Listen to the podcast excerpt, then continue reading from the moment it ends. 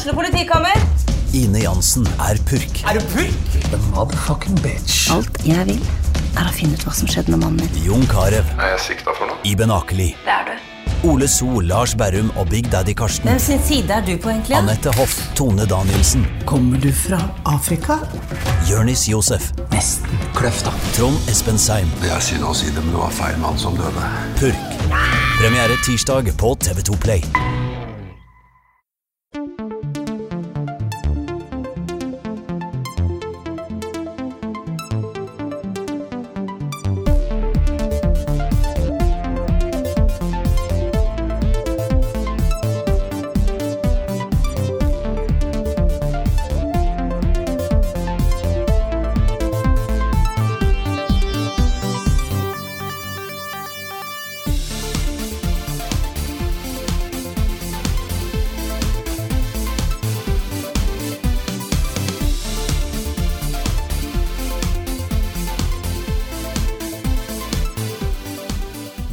Ble faktisk nettopp avholdt en ny livestream for Final Fantasy 15 med 87 nye facts om spillet. Vi går gjennom de i rekkefølge. Wow. Nummer én Nei da, vi skal ikke gjøre det. Velkommen, folkens, til en ny level backup.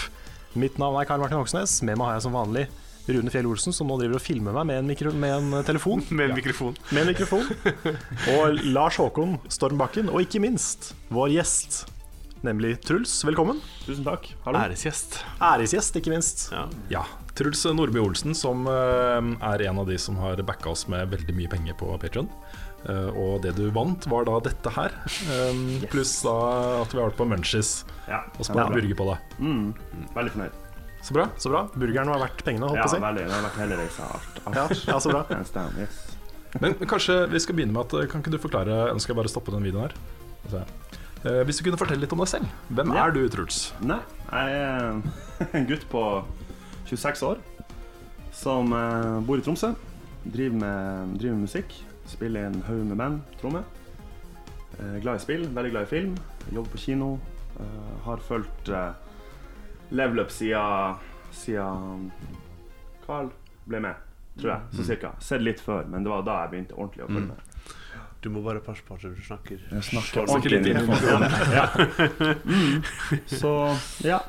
Ikke noe mer å si enn det, egentlig. Jeg vil legge til at eh, du har eh, også Det er noen, eh, noen level up-seere som vi har kanskje hatt litt bedre kontakt med enn andre. eh, Som har sendt oss eh, liksom hyppige tilbakemeldinger og innspill og uh, kommentarer. Og rett og slett bare kommunisert med oss, og du er en av de. Ja. Uh, husker veldig godt mange av de lange meldingene du har sendt uh, til både meg personlig og til, til resten. Ja. Og det er sånne ting som er veldig eh, litt sånn drivstoff for oss. Ja. At man uh, føler at liksom, man er i den samme båten som de som ser på. Mm. Uh, det er veldig veldig ålreit. Altså. ja. Så Nei, det er viktig å gi tilbakemelding. Og spesielt når man holder på med noe, så vil man gjerne få god feedback. Mm. Så ja. Mm. Og det er du veldig flink til, så det Ja. er en feedback fra oss til deg også. Ja, Feedback i alle kanter. Yes. Eh, og eh, en av de tingene som var i, i eh, den Patrion-tingen som gjør at du får lov til å være her, var jo også at du skulle få lov til å være med på å påvirke innholdet i podkasten. Ja. og du eh, meldte tilbake til oss at du gjerne ville snakke om film. Mm. Vi tenkte at kanskje det kunne være liksom en, en liten bolk da, i en, eh, en lang eh, sending. Eh, men det kommer jo så utrolig mye bra spørsmål om film. Det gjorde det. Vi har jo gått ut på Patreon og på Facebook og spurt om folk hadde noen eh, litt eh, filmrelaterte spørsmål, og det hadde vi. Ja. Så, så massevis. Det her blir nok en slags filmspesial av Level Backup. Det, det kan det fort bli. Ja. Vi skal snakke om spill også. Det skal vi.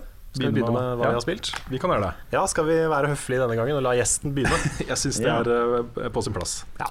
Hva jeg har spilt i siste? Ja. Ja. Mm, nå er jo jeg en sånn eh, Nå spiller jeg faktisk en del Fifa. Veldig no, eh, no eh, skjønner jeg, i det her. Nei da, det er ikke noe galt jeg, har alltid vært fotballinteressert og spiller en del Fifa sjøl, ikke online. Men, men i det siste òg, når jeg liksom har fulgt med dere, så prøver jeg hele tida å få nye spill.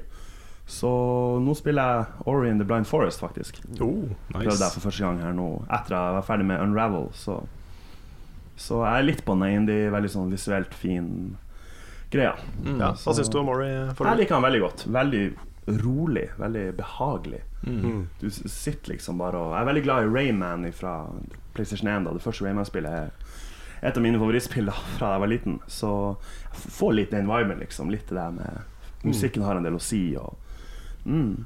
Ja, jeg er veldig enig. Jeg er veldig glad i det første Rayman. Ja. Og Ori var eh, et av de beste spillene som kom i fjor. Mm. Det var, var vel på nummer fire, tror jeg, på topplista mi. Du har kommet i Definitive Edition, har du testa den? Karl? Nei, det har jeg ikke. Nei, Det var kanskje den du spilte? ja, det var nok. De har lagt til litt nye områder og sånt, etter det jeg har forstått? Ja, eh, Ikke som jeg vet, da, for det her er første gang jeg spiller ja, det. Men eh, jeg er veldig, veldig fornøyd med det. Mm. Veldig sånn bra oppbygging av storyen. Du blir veldig sånn bare etter et kvarter med i greia, liksom. Så, mm. Det står på lista mi fortsatt, Ja, Mm. ja du, må, du må få spilt det. Altså. ja, sammen med Bloodborne. Ja. Vi får ta noen, ta noen streams en dag hvor det bare fiser gjennom eh, Ja, mye av det bra. Ja. Men ja. Det er eh, Mm. Da vil du fortsette, Rune? Skal jeg fortsette? Ja.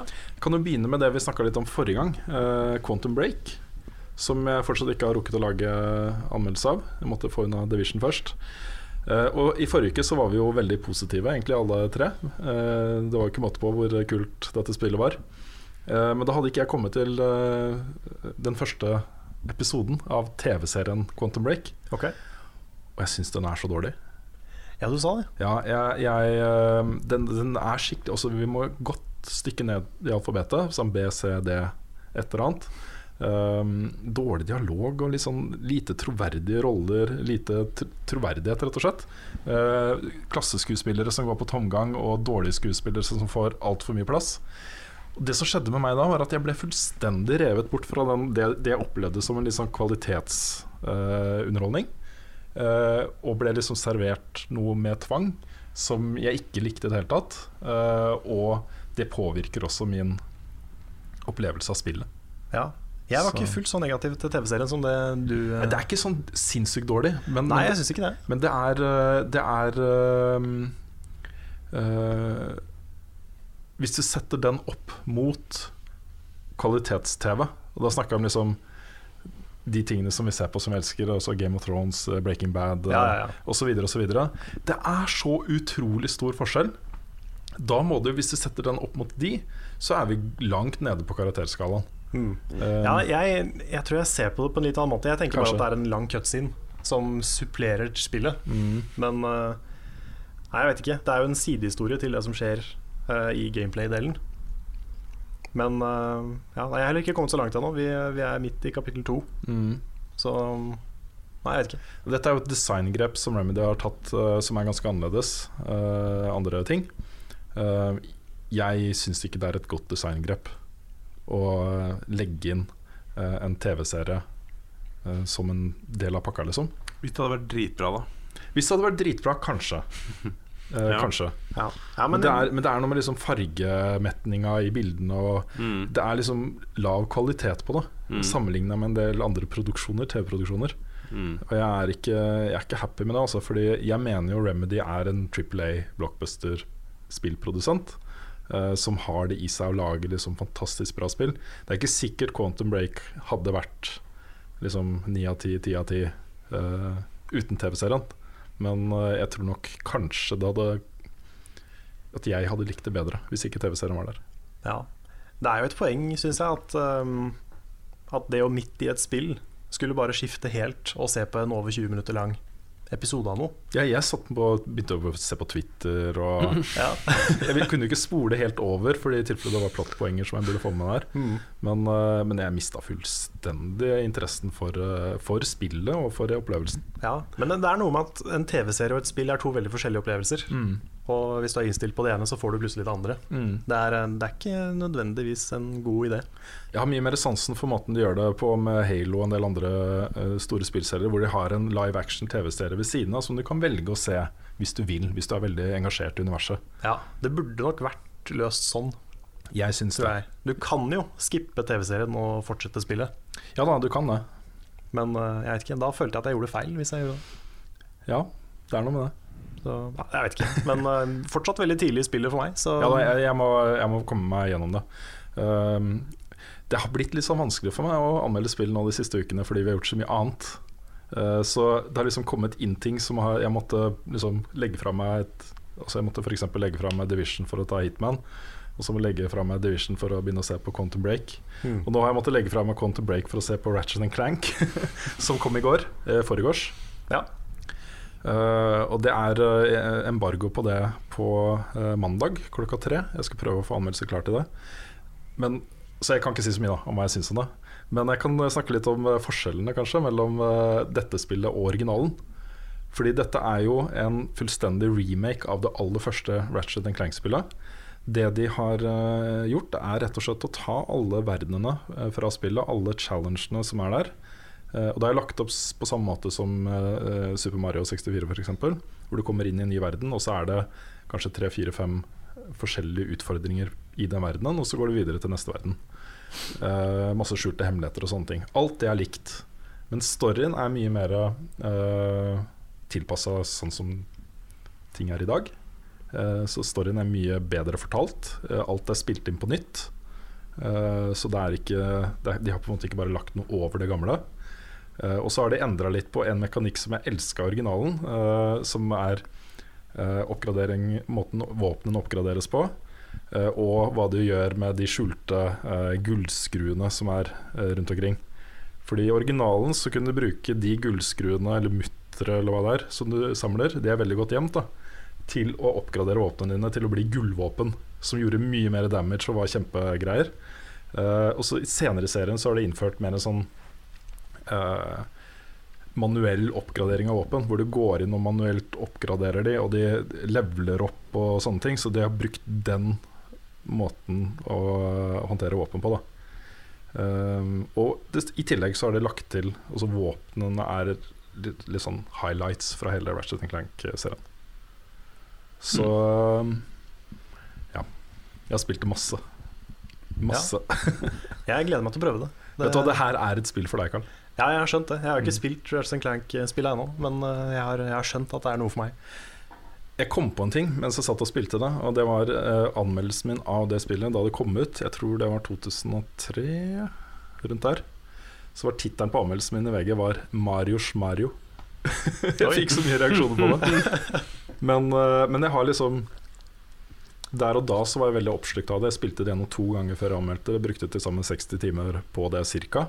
Jeg gjorde alt, absolutt alt. Kjøpte alle våpen, alle oppgraderinger og alt mulig rart.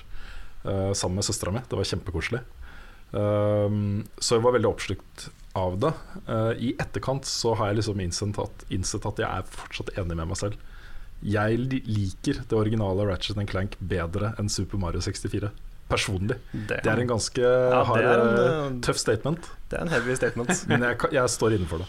Ja, okay, ja. Rent personlig. Jeg elsker jo også rent Hvis man skal prøve å være litt objektivt, så mener jeg at Super Mario 64 er et mye viktigere spill, og, og et kanskje uh, spillteknisk uh, et mer uh, komplett spill. Da. Men rent personlig Ratchet Clank foran Mario, altså. Hmm. Boom, drop the mic. Ja, der har vi kanskje det mest kontroversielle som har blitt sagt i, i level backup noen gang. Ja. Ja, Ja. Hva med deg, Lars? Hva har du spilt? Nei, hva har jeg spilt, da? Jeg har vel egentlig ikke um, spilt så altfor mye. Jeg prøvde jo litt uh, Stardew Valley, da fordi vi streama det på, på onsdag. Uh, det har jeg ikke fått spilt noe mer uh, fordi jeg sitter og redigert uh, månedsmagasin. Men uh, det har jeg tenkt å sette meg ned igjen og spille mer av. For det likte jeg veldig godt. Um, jeg har liksom Jeg har spilt litt før også, men jeg har bare ikke hatt, fått den derre store følelsen av det spillet før jeg spilte det på stream nå. Så um, ja, jeg har ikke spilt videre på Quantum Break. Det har jeg ikke gjort. Er det Så- liksom et eh, signal om uh, hvor eh, besnærende det spillet er for deg? Jeg, jeg vet ikke. Uh, det var liksom sånn jeg, For meg så er liksom spillet kult, men samtidig så er jeg føler jeg at det er noe veldig crazy med det. Mm. Som jeg ikke helt uh, klarer å Men jeg skjønner at jeg må se den der filmepisoden. uh, for å få et inntrykk av, uh, inntrykk av det. Og hvis det er så dårlig som du sier, så Ja, Det, Ja. Mitt største problem der er at en av de som får mest scenetid, det er han, uh, han eh, IT-sikkerhetsfyren. Ja, IT. Ja. Mm. Han, han er, så forferdelig dårlig skuespiller. Syns du det? Ja. Jeg, jeg syns han spiller bra en douchebag, for han skal jo være litt douchey. Ja, men Kom igjen, da. Jeg syns han, er- jeg synes Ja. han er så dårlig. Han er forferdelig. Syns du det? Ja. Ja, den mekaniske måten han leverer linjene linjene Altså, på? jeg eller jeg er syns han spiller en litt sånn der kjip, halvteit fyr, og det er jo det han skal være.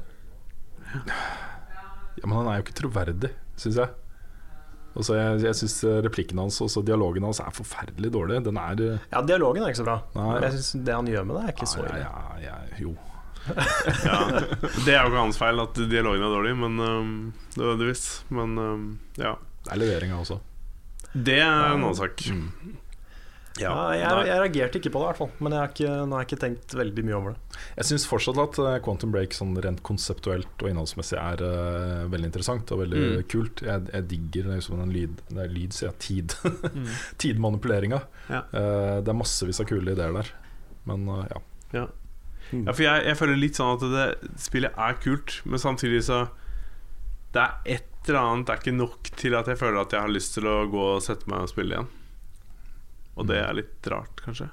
Jeg vet ikke. Ja, altså I tillegg så er det jo Nå har jeg bare kommet til det første eh, valget du kan ta. da Mm. Hvor du kan velge mellom det eller det, og valget påvirker hvordan resten av spillet er. Mm. eh, og TV-serien.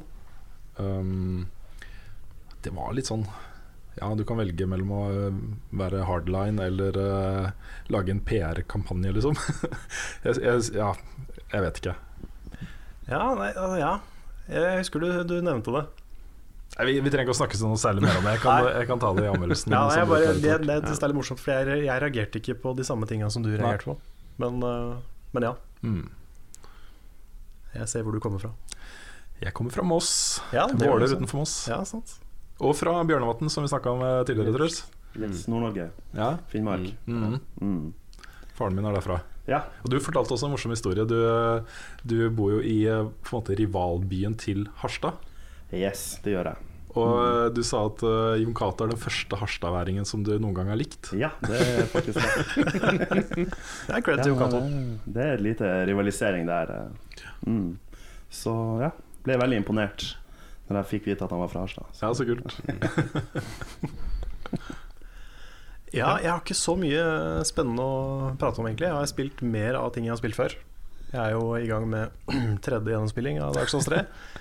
Jeg har spilt litt mer Stardew Valley. Jeg fikk lyst til det etter at vi streama. Mm. Um, ja Så har det vært litt Final Fantasy 14. Det har vært litt uh, Litt forskjellig, egentlig. Ikke noe sånn nytt og spennende, egentlig. Mm. Men jeg jobber jo med et uh, innslag om LA Noir, så jeg har spilt det litt. Kult. Så det, det kommer jo etter hvert. Mm. Jeg tenker at du sier Ellie Noir hver gang. LA du- Noir, ja, jeg, jeg sier kanskje det. LA Noir. Nei da, du gjør ikke det. Det er bare jeg som hører det. Mm. Um, ja. Men eh, gud, jeg kommer på det når du sier Final Fantasy. Jeg husker ikke hva jeg har spilt. Jeg, jeg har jo spilt demoen til Final Fantasy 15. Ja, det har du. Det, er, eh, det spillet ser bra ut, ass. Og det, det er eh, Jeg likte mekanikken og alt i det. Så Det var koselig. ja, det var et ganske sånn spennende førsteinntrykk, det, Mhm. den demoen der. Jeg ser frem til å prøve det. Det skal bli mitt eh, første Final Fantasy-spill.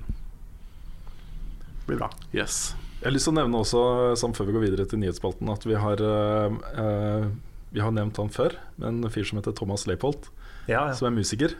eh, som var på møte med oss på onsdag. Eh, og eh, han har jo lyst til å lage musikk til oss, og vi har lyst til at han skal lage musikk for oss. Og han har allerede begynt å levere dritbra ting. Da. Så en av de tingene som han har lyst til å kikke på, er jo den uh, LA Noir. eh, ja, ja, sant. ikke sant? Lager litt sånn noir-musikk. Ja, Men han har lagd da eh, vignett til nyhetsmagasinet jeg skal lage. Den er dritkul. Ja, den er helt perfect. Så det er liksom Nå, nå tror jeg at den kan bli bra, da, den, det lille magasinet her. For den er eh, Vi har en egen teamlåt til den, faktisk. Mm. Det er stilig, altså. Kommer det den som sånn uh, musikk nå, da? Kanskje? Test? Eh, kanskje, vi kan, eh, kanskje vi kan Nei, vi, vi sparer den. Vi sparer den Ja. til uh, magasinet. Det var sånn Yes. hyping. Bare litt, sånn, li, litt hyping. Mm. Litt hyping. Det er tid for nyheter uten egen spaltemusikk eh, i podkasten, men likevel nyheter. Nyheter, ja. Hva har skjedd? Ja, eh, bare for å vise Truls liksom, eh, graden av eh, profesjonalitet i podkastinnspillingen vår. Dette er manuset mitt. Å, tøft. Mm. Det er, det er tre ord. Det er tre, tre linjer. Ja. Det er én, to, Jeg liker at du stirrer så hardt på fem, det òg. At det er sånn Det er Du må sju. liksom ikke ta feil. Det er sju ord, Ok men tre saker, da. Nice. Eh, den første står det Blizzard på. Skal vi se, da må jeg bare eh, Det er rett og slett fordi eh, Ja, skal vi se Nå er det veldig rot her, altså. Ja, nå er det mye apper på telefonen din. Ja. Ja. Uh, Blizzard har stengt en eh, server uh, som heter uh, Nostalrius. Nostalrius. Ja, stemmer. Ja. Uh, dette er en server som har kjørt Vanilla eh, World of Warcraft, altså det originale World of Warcraft som kom ut. Eh, det er 150 000 eh, spillere på den serveren. Um, og jeg har ikke tall på hvor mange som har tatt kontakt med oss for å spørre om ikke vi kan snakke litt om dette i podkasten. Så dette er tydeligvis noe som engasjerer veldig mange. Ja, dette er noe folk er opptatt av. Ja, fordi det som har skjedd er jo at eh, spillerne selv har jo gått ut og tatt ansvar for å gjøre eh, en spillopplevelse eh, tilgjengelig som ikke Blizzard støtter. Eh, dette ligger der og er mulig å liksom ha på plass, men eh, Blizzard har ikke gjort det. Spillerne har gjort det selv. 150 000 mennesker setter pris på det. Eh, Så går da Blizzard ut og stenger serveren. Og Grunnen til at de gjør det, er jo eh, fordi de ikke har noe kontroll over hva som skjer på de serverne. Man har jo sett mange, mange eksempler på folk som starter egne servere, og så tar de betalt for ting, f.eks.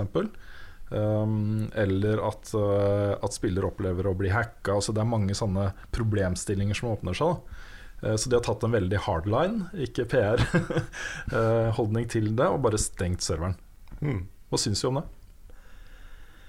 Nei, altså, jeg tenker i utgangspunktet litt sånn som jeg tenker uh, om piratkopiering av spill som ikke er tilgjengelig lenger. Moralsk syns jeg det er greit, på en måte. Det viktigste er å bevare det som var. Eller altså bevare gamle spillopplevelser, så ikke de bare forsvinner. Så jeg syns jo det er synd at Blizzard gjør det her. For det er jo en del av spillhistorien. Mm. Vanilla Vov for ti år siden, eller hva det er for noe. Ja. Så er det kanskje også um, 150 000 færre solgte eksemplarer av Legion. Hvis Kanskje. de bare sitter og koser seg med originale ja, Warcraft. det er sant. Men Nei, dette, er, men, dette nei, var en jeg, jeg tror ikke det. Nei, jeg tror ikke det heller. Jeg tror ikke Altså, det, det har står jo, det står jo eksplisitt i reglene til Blizzard eh, på av, brukeravtalen som man må akseptere for å spille spillet, at man ikke kan gjøre det.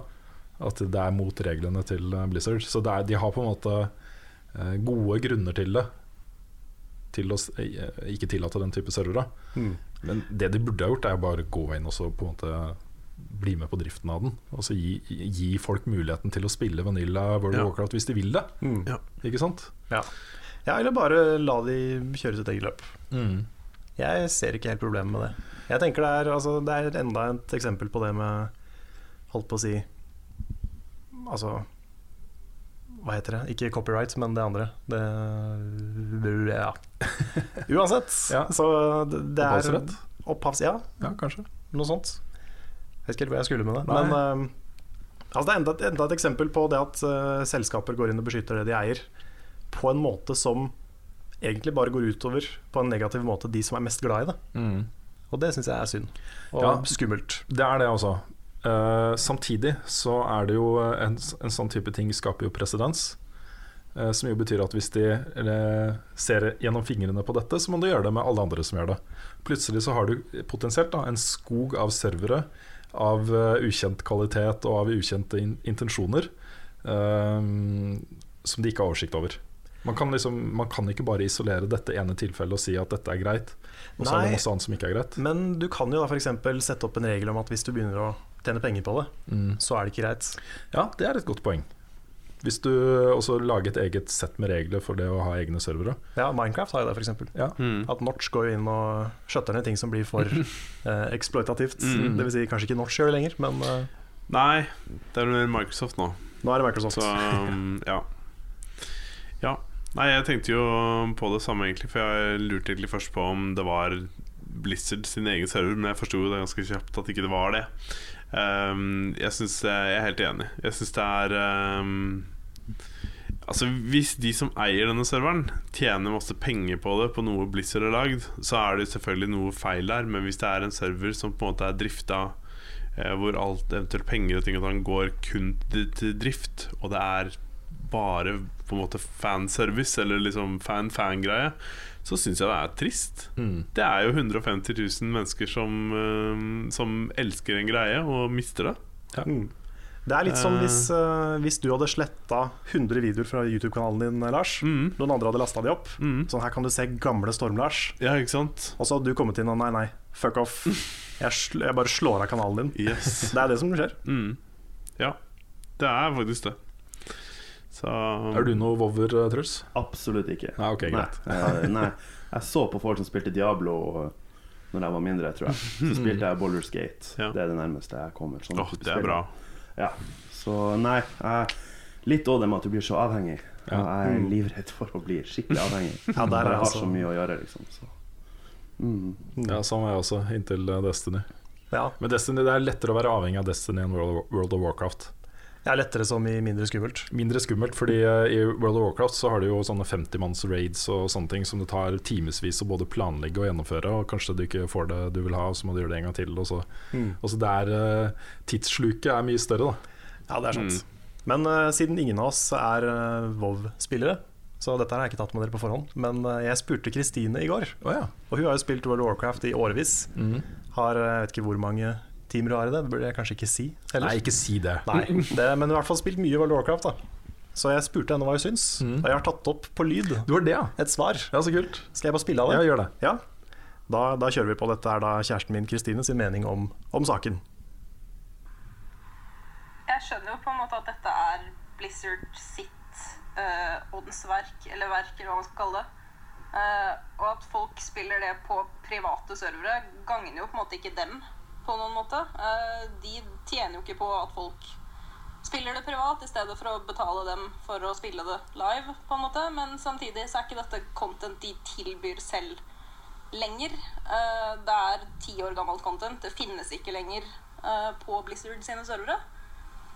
Så jeg, jeg skjønner jo på en måte at de har, de har rett til å shut it down, men jeg skjønner ikke helt at de gidder. Og jeg tror heller ikke at de som faktisk velger å spille Vanilla på private servere, er folk som ville betalt for å spille det live sånn det er nå. For det er jo på en måte Det har skjedd så mye på ti år at det er jo et helt annet spill by now. Uh, så nei, jeg vet ikke. Jeg syns, måte, jeg syns de har rett til å gjøre som de vil med sitt spill, på en måte, men jeg skjønner ikke helt at de gidder. Og Vanilla WoW er jo på en måte mostly slitsomt, egentlig. Eh, Så hvis folk har lyst til å utsette seg for det der, så får de vel på en måte bare gjøre det, tenker jeg. Ja, bra reflektert. Vi har mye av det samme vi var inne på, for så vidt. Men, eh, men også det at ja, det er visstnok da ikke så gøy å spille Vanilla WoW. Nei, det er jo et annet eh, spill. Ja. Altså, de har jo forfina mekanikker og sånt eh, gjennom ti år. Jeg tror ikke siste ord er sagt i denne saken. Nei? Jeg tror, jeg tror alle reaksjonene som kommer på dette nå, vil eh, føre noe med seg. Jeg tror Blizzard enten vil snu, eller så vil de lage et sett med nye regler, eller så vil de begynne å tilby det selv, eller det kommer til å skje noe der. Jeg er nesten helt sikker på det. Ja, det er i hvert fall 150 000 som ikke syns det er slitsomt. Ja, ikke sant? Så det, og det er, det er jo et Hva heter det for noe? Vesentlig antall mennesker, da. Ja, det er, det er et publikum, definitivt. Eh, vi kan gå videre til neste sak, og vi er jo ikke så veldig glad i å snakke om rykter, eh, egentlig. Nei, noen ganger så er det litt gøy, da. Ja, det er litt gøy, fordi uh, nå har det da eh, angivelig blitt lekka massevis av uh, concept art fra det neste God of War-spillet. Ja, det hørte jeg om. Som da uh, tilsynelatende ser ut til å foregå i norrøn mytologi. Oi. Dette, dette har jeg jo snakke om i anmeldelsessammenheng og andre sammenhenger Ja, ja. lenge. Mm. At uh, dette hadde jo vært en helt utrolig kul måte. Jeg tror jeg snakka om det med God of War 4, som jeg syns ble litt kjedelig, fordi eh, God of War 1 og 2 er så bra. ja, det er det som heter Ascension, er det det? Eh, ja, kanskje det er tre. Vet du, Det er mulig at jeg hopper over et spill. Ja, ok. Ja, I hvert fall det som, eh, det som kom til PlayStation 3. Ja, det er treeren. Ja, Det er kanskje treeren. Mm. Det er vel God of War 4 som ikke har kommet ut. Eh, Nå husker jeg ikke om det har kommet tre eller fire. Nei, det har- det har kommet, det har kommet 1, 2, 3, og så kom Ascension. Ja, stemmer. uh, og så har det kommet noe på PSP og noe greier. Ja, nettopp, nettopp. Greit. Men jeg syns etter God of War 2 så syns jeg at det begynte å gjenta seg selv litt mye. At det, altså, ok, Grafikken ble bedre, men uh, ikke noe særlig minneverdig på samme måte som eneren og toeren var. Der, derfor jeg sliter litt med å huske liksom, hva som har kommet også, for det glir litt over i hverandre. Uh, men da snakka jeg mye om det. At en måte å gjøre dette nytt og friskt på, er å bare velge en annen mytologi. Plassere Kratos inn der, og så kicke ass med noe helt nytt. da Ja, burde, altså, jeg er litt todelt på det om det burde være Kratos. Ja, det skulle jeg dere si òg. Det kan jo Ja. være Kratos sin sønn, eller eh, Ja. Ja, men altså norrøn Kratos, er ikke han eh, Nei, men, Kanskje han er på besøk? Ja, men Ja. Det, ja, fordi det åpner opp en mulighet, mulighet her til å knytte mytologiene til hverandre. Fordi de foregår jo på veldig spesifikke steder. ikke sant? Der Den uh, greske mytologien er jo i Hellas og det området der. Mm. Mens norrøne er liksom Jotunheim, altså Norge, Sverige Det er forskjellige lokasjoner. da Ja. Så det kan hende at liksom i God of War-universet så eksisterer alle disse mytologien som, mytologiene samtidig. Så kan man reise liksom Ikke sant? Jeg vet ikke. Ja, nei, altså det, det, jeg sier ikke at ikke det funker, altså, men uh, jeg vil kanskje heller se en ny hovedperson enn uh, en Kratos i Norge, på en måte. Mm. Ja, jeg vet ikke. Jeg, han er jo så ikonisk. Ja, Det er jeg eh, ligner på deg. Ja. Jeg har ikke noe mot det, altså. Nei? Han har jo uh, fått litt lengre fippskjegg i, uh, i konseptarten som har kommet ut. Han har det, ja? Ja. Må begynne å spare. Altså, få, få på den en eh, vikinghjelm eller sånt, så ser det jo eh, norrøn nok ut, sikkert. Men eh, Ja, men også det, dette åpner jo opp for uh, liksom en helt nytt sett med designregler, helt nytt sett med estetikk. Uh, helt nye våpen, helt nye fiender. Uh, alt blir på en måte nytt, da. Eh, og det er nok, føler jeg. Da gjør det ikke noe at det er Kratos. Eventuelt, da. Det kan hende at jeg velger å ha en annen hovedperson, men jeg, ja. Nei, det er, mye, det er mye badass å finne i norrøn mytologi, så det, det er en kul setting. jeg forventer en announcement på E3 eh, i juni. Ja. Det er ikke så lenge til etere. det. Er ikke så lenge til etere. Det blir gøy, ass. Jeg bare En sånn kjapp nyhetssak til slutt. Du nevnte jo at du var på din tredje gjennomspilling av Dark Souls eh, 3. Jeg er det. Jeg ser at eh, speedruns er nå nede i under 90 minutter allerede, før spillet er ute. Det er, eh, det er ganske utrolig. Det er, det, men det er folk som eh, Det er egentlig ikke så overraskende, fordi folk har en tendens til å finne sånne utrolig rare snarveier. Mm. Hvor du kan hoppe i en eller sånn rar vinkel, så kan du skippe 80% av spillet. Ok, Så det, mm, det har en tendens til å skje i starten. ja Men uh, likevel, før spillet er ute, så er liksom speedruns nede i under to timer. Ja, det er ganske bra. Det er bra. Og så er det litt kjipt at spillet blir gitt ut sånn. Mm. Fordi en stor del av Dark Souls er at hele fanbasen går sammen for å finne alle hemmelighetene. Og det blir litt ødelagt da, når liksom ikke alle har spillet. Mm. Ja, det er litt sant. Det er, så det er litt, jeg synes det er litt synd at ikke det, det spillet fikk en sånn verdenslansering. Mm. Ja, for det er ute i Japan, er det sånn? Det er ute i Japan. Veldig mange anmeldere, streamere, youtubere har fått det. Men det er ikke offisielt ute ellers. Nei. Ja, det er dumt. Du kan visstnok jukse deg til å få det tidlig på Xbox One, Ok. har jeg hørt. Ja. Hvis du kjøper det via japansk, så får du det på engelsk. Det er noe rart, men, eh, men ja. Det var en ting jeg glemte å nevne om eh, Ratchet Clank i stad. Og det er at jeg har min konsoll stilt inn eh, på norsk. Og det er oversatt. Det er er det, ja. dubba til norsk. Oi, Oi. det er kult. Ja, Det er kjempekult, men forferdelig rart da eh, for Ja, meg det, jeg, personlig. jeg skal ikke spille det på norsk. Nei, men, men jeg syns det er kjempeting at de har gjort det. Det hadde jeg ikke forventa. De Nei. gjorde jo det med alle de gamle Ratchet Clank-spillene. Det er jo kjempebra for yngre spillere. Det er helt ja, supert. det kan bety veldig mye for yngre spillere. Ja. Så, men jeg, for første gang så satte jeg da konsollen min over til å være på engelsk. ja. Jeg syns det blir rart bare det står undertekst på norsk, jeg, da. Ja. Så jeg må ha det Ja. på engelsk, bare fordi jeg er vant til det. Jeg òg sliter med det. Ja, skal vi svare på noen eh, spørsmål? Det har kommet massevis. Det kan være. Det er tid for spørsmål og svar, og denne gangen så har vi spesialtema film Det har vi. på tapeten, er det det heter. Ja, Vi har en veldig spesiell gjest i dag, eh, Truls. Ja. Som er veldig filminteressert. Og det er vi også, og tydeligvis veldig mange av de som hører på podkasten. Fordi det har jo, eh, vi oppfordrer jo til å sende også eh, filmspørsmål, ikke bare spillspørsmål. Og så har jo folk sendt nesten bare filmspørsmål. Ja, Så- det er eh, tydeligvis en overlapp eh, her. Så dette er crossover. Crossover cast. Yes. Vi begynner med et spørsmål som er til deg, Truls. Ja. Fra Henrik Gjerpseth. Han spør eh, Går ut ifra at du er glad i film, men også hardbarka gamer. Er det sånn at du prøver på best mulig måte å kombinere dette ved å kun kjøpe filmbaserte spill? Eller har du også et inntrykk av at film gjør seg best på kino? Det er første spørsmål. Han har et, et spørsmål til, men vi kan begynne med det. Ja, nei, e- egentlig ikke. Eh, det, det skal ikke være noe kombo for min del, egentlig. Jeg er utrolig glad i film og jobber på kino og, og, og sånne ting. Og hvis de klarer å lage en film basert på spill som er bra, det, det blir bra. Men nei da, jeg, jeg ser så mye film at det går stort sett bare på Går bare på, på å utforske. Jeg er mye på filmfestivaler og mye sånne ting. Så det kan være alt ifra helt indie tyske filmer til store blockbustere og animasjoner og alt mulig. Mm. Mm. Så det, ja. Ja, eh, skal vi se, Del to av spørsmålet. Har du sett noen Uwe Boll-filmer? Far Cry f.eks. Takk for at du støtter med så mye som du gjør. Setter også se- seerne og lytterne utrolig stor pris på seerne også. Ja, men det er hyggelig. Veldig Ja. koselig. Ja, nei, jeg har det. Eh, ikke, jeg har ikke sett den Far Cry-filmen. Men eh, det er jo han som har lagd den der In the Name of the King med han eh, Jason Statham. Det er sånn uh, Sånn her eh, krigshoppe skikkelig høyt opp i himmelen og snurre rundt og slåss. Kanskje ikke verdens beste film, da. Og så har han lagd House of the Dead, første filmen. da Så Ja, han er litt sånn er inspirert av spill, tydeligvis. Og flott fyr. Kanskje ikke de beste filmene, men Nei. eh, du blir underholdt i én til to, Jeg har filmer. hørt, jeg vet ikke hvor, eh, hvor eh, riktig det er, men det er noen sånne lover i Tyskland om at du kan, du kan få statsstøtte, som er sånn utrolig Du har sånn tidenes deal da hvis du lager film. Og så Det er derfor han lager film. For å få noen sånne støttegreier fra tyske Ja. Og da bruker Det eh, spill, veldig ut som eh, spillisenser. Ja. Mm. Så han har jo pumpa ut Blood Rain og mye greier som, er, eh, som har vært mindre bra, kanskje. Ja, det, er, det er noe der. Ja.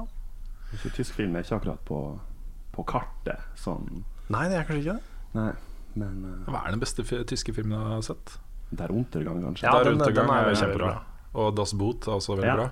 Mm. Uh, Haneke er fra Østerrike eller noe sånt, ikke det? Jo, han er kanskje det. Eh, Ja, jeg vet ikke. Nei. De snakker tysk i filmene hans. Ja. um, ja. Du har fått lov til å også velge ut uh, noen spørsmål som du har lyst til å svare på, Truls. ja. Skal vi se uh, Lars André Holtehagen på Patrion Han spør uh, er det li om jeg er like interessert i filmmusikk som i spillmusikk. Og der Filmmusikk er ganske, ganske stort, det hører jeg mye på. da Jeg er jo musiker og sånne ting, da, men ja. Og der kan jeg jo kanskje legge vekt på et par soundtrack som syns er veldig, veldig bra. Du har eh, Tron Legacy, Daft Punk-soundtracken. Jeg jeg er ikke så glad i, i, i, eh, i Daft Punk, men de fikk en sånn mørk twist på det. Så jeg er veldig glad i den her um, Social Network med han, Trent Reznor, som spilte i Nine Inch Nails. Han har en utrolig bra soundtrack. Og så kanskje den beste soundtracken jeg har hørt i film, da. Uh, It Follows.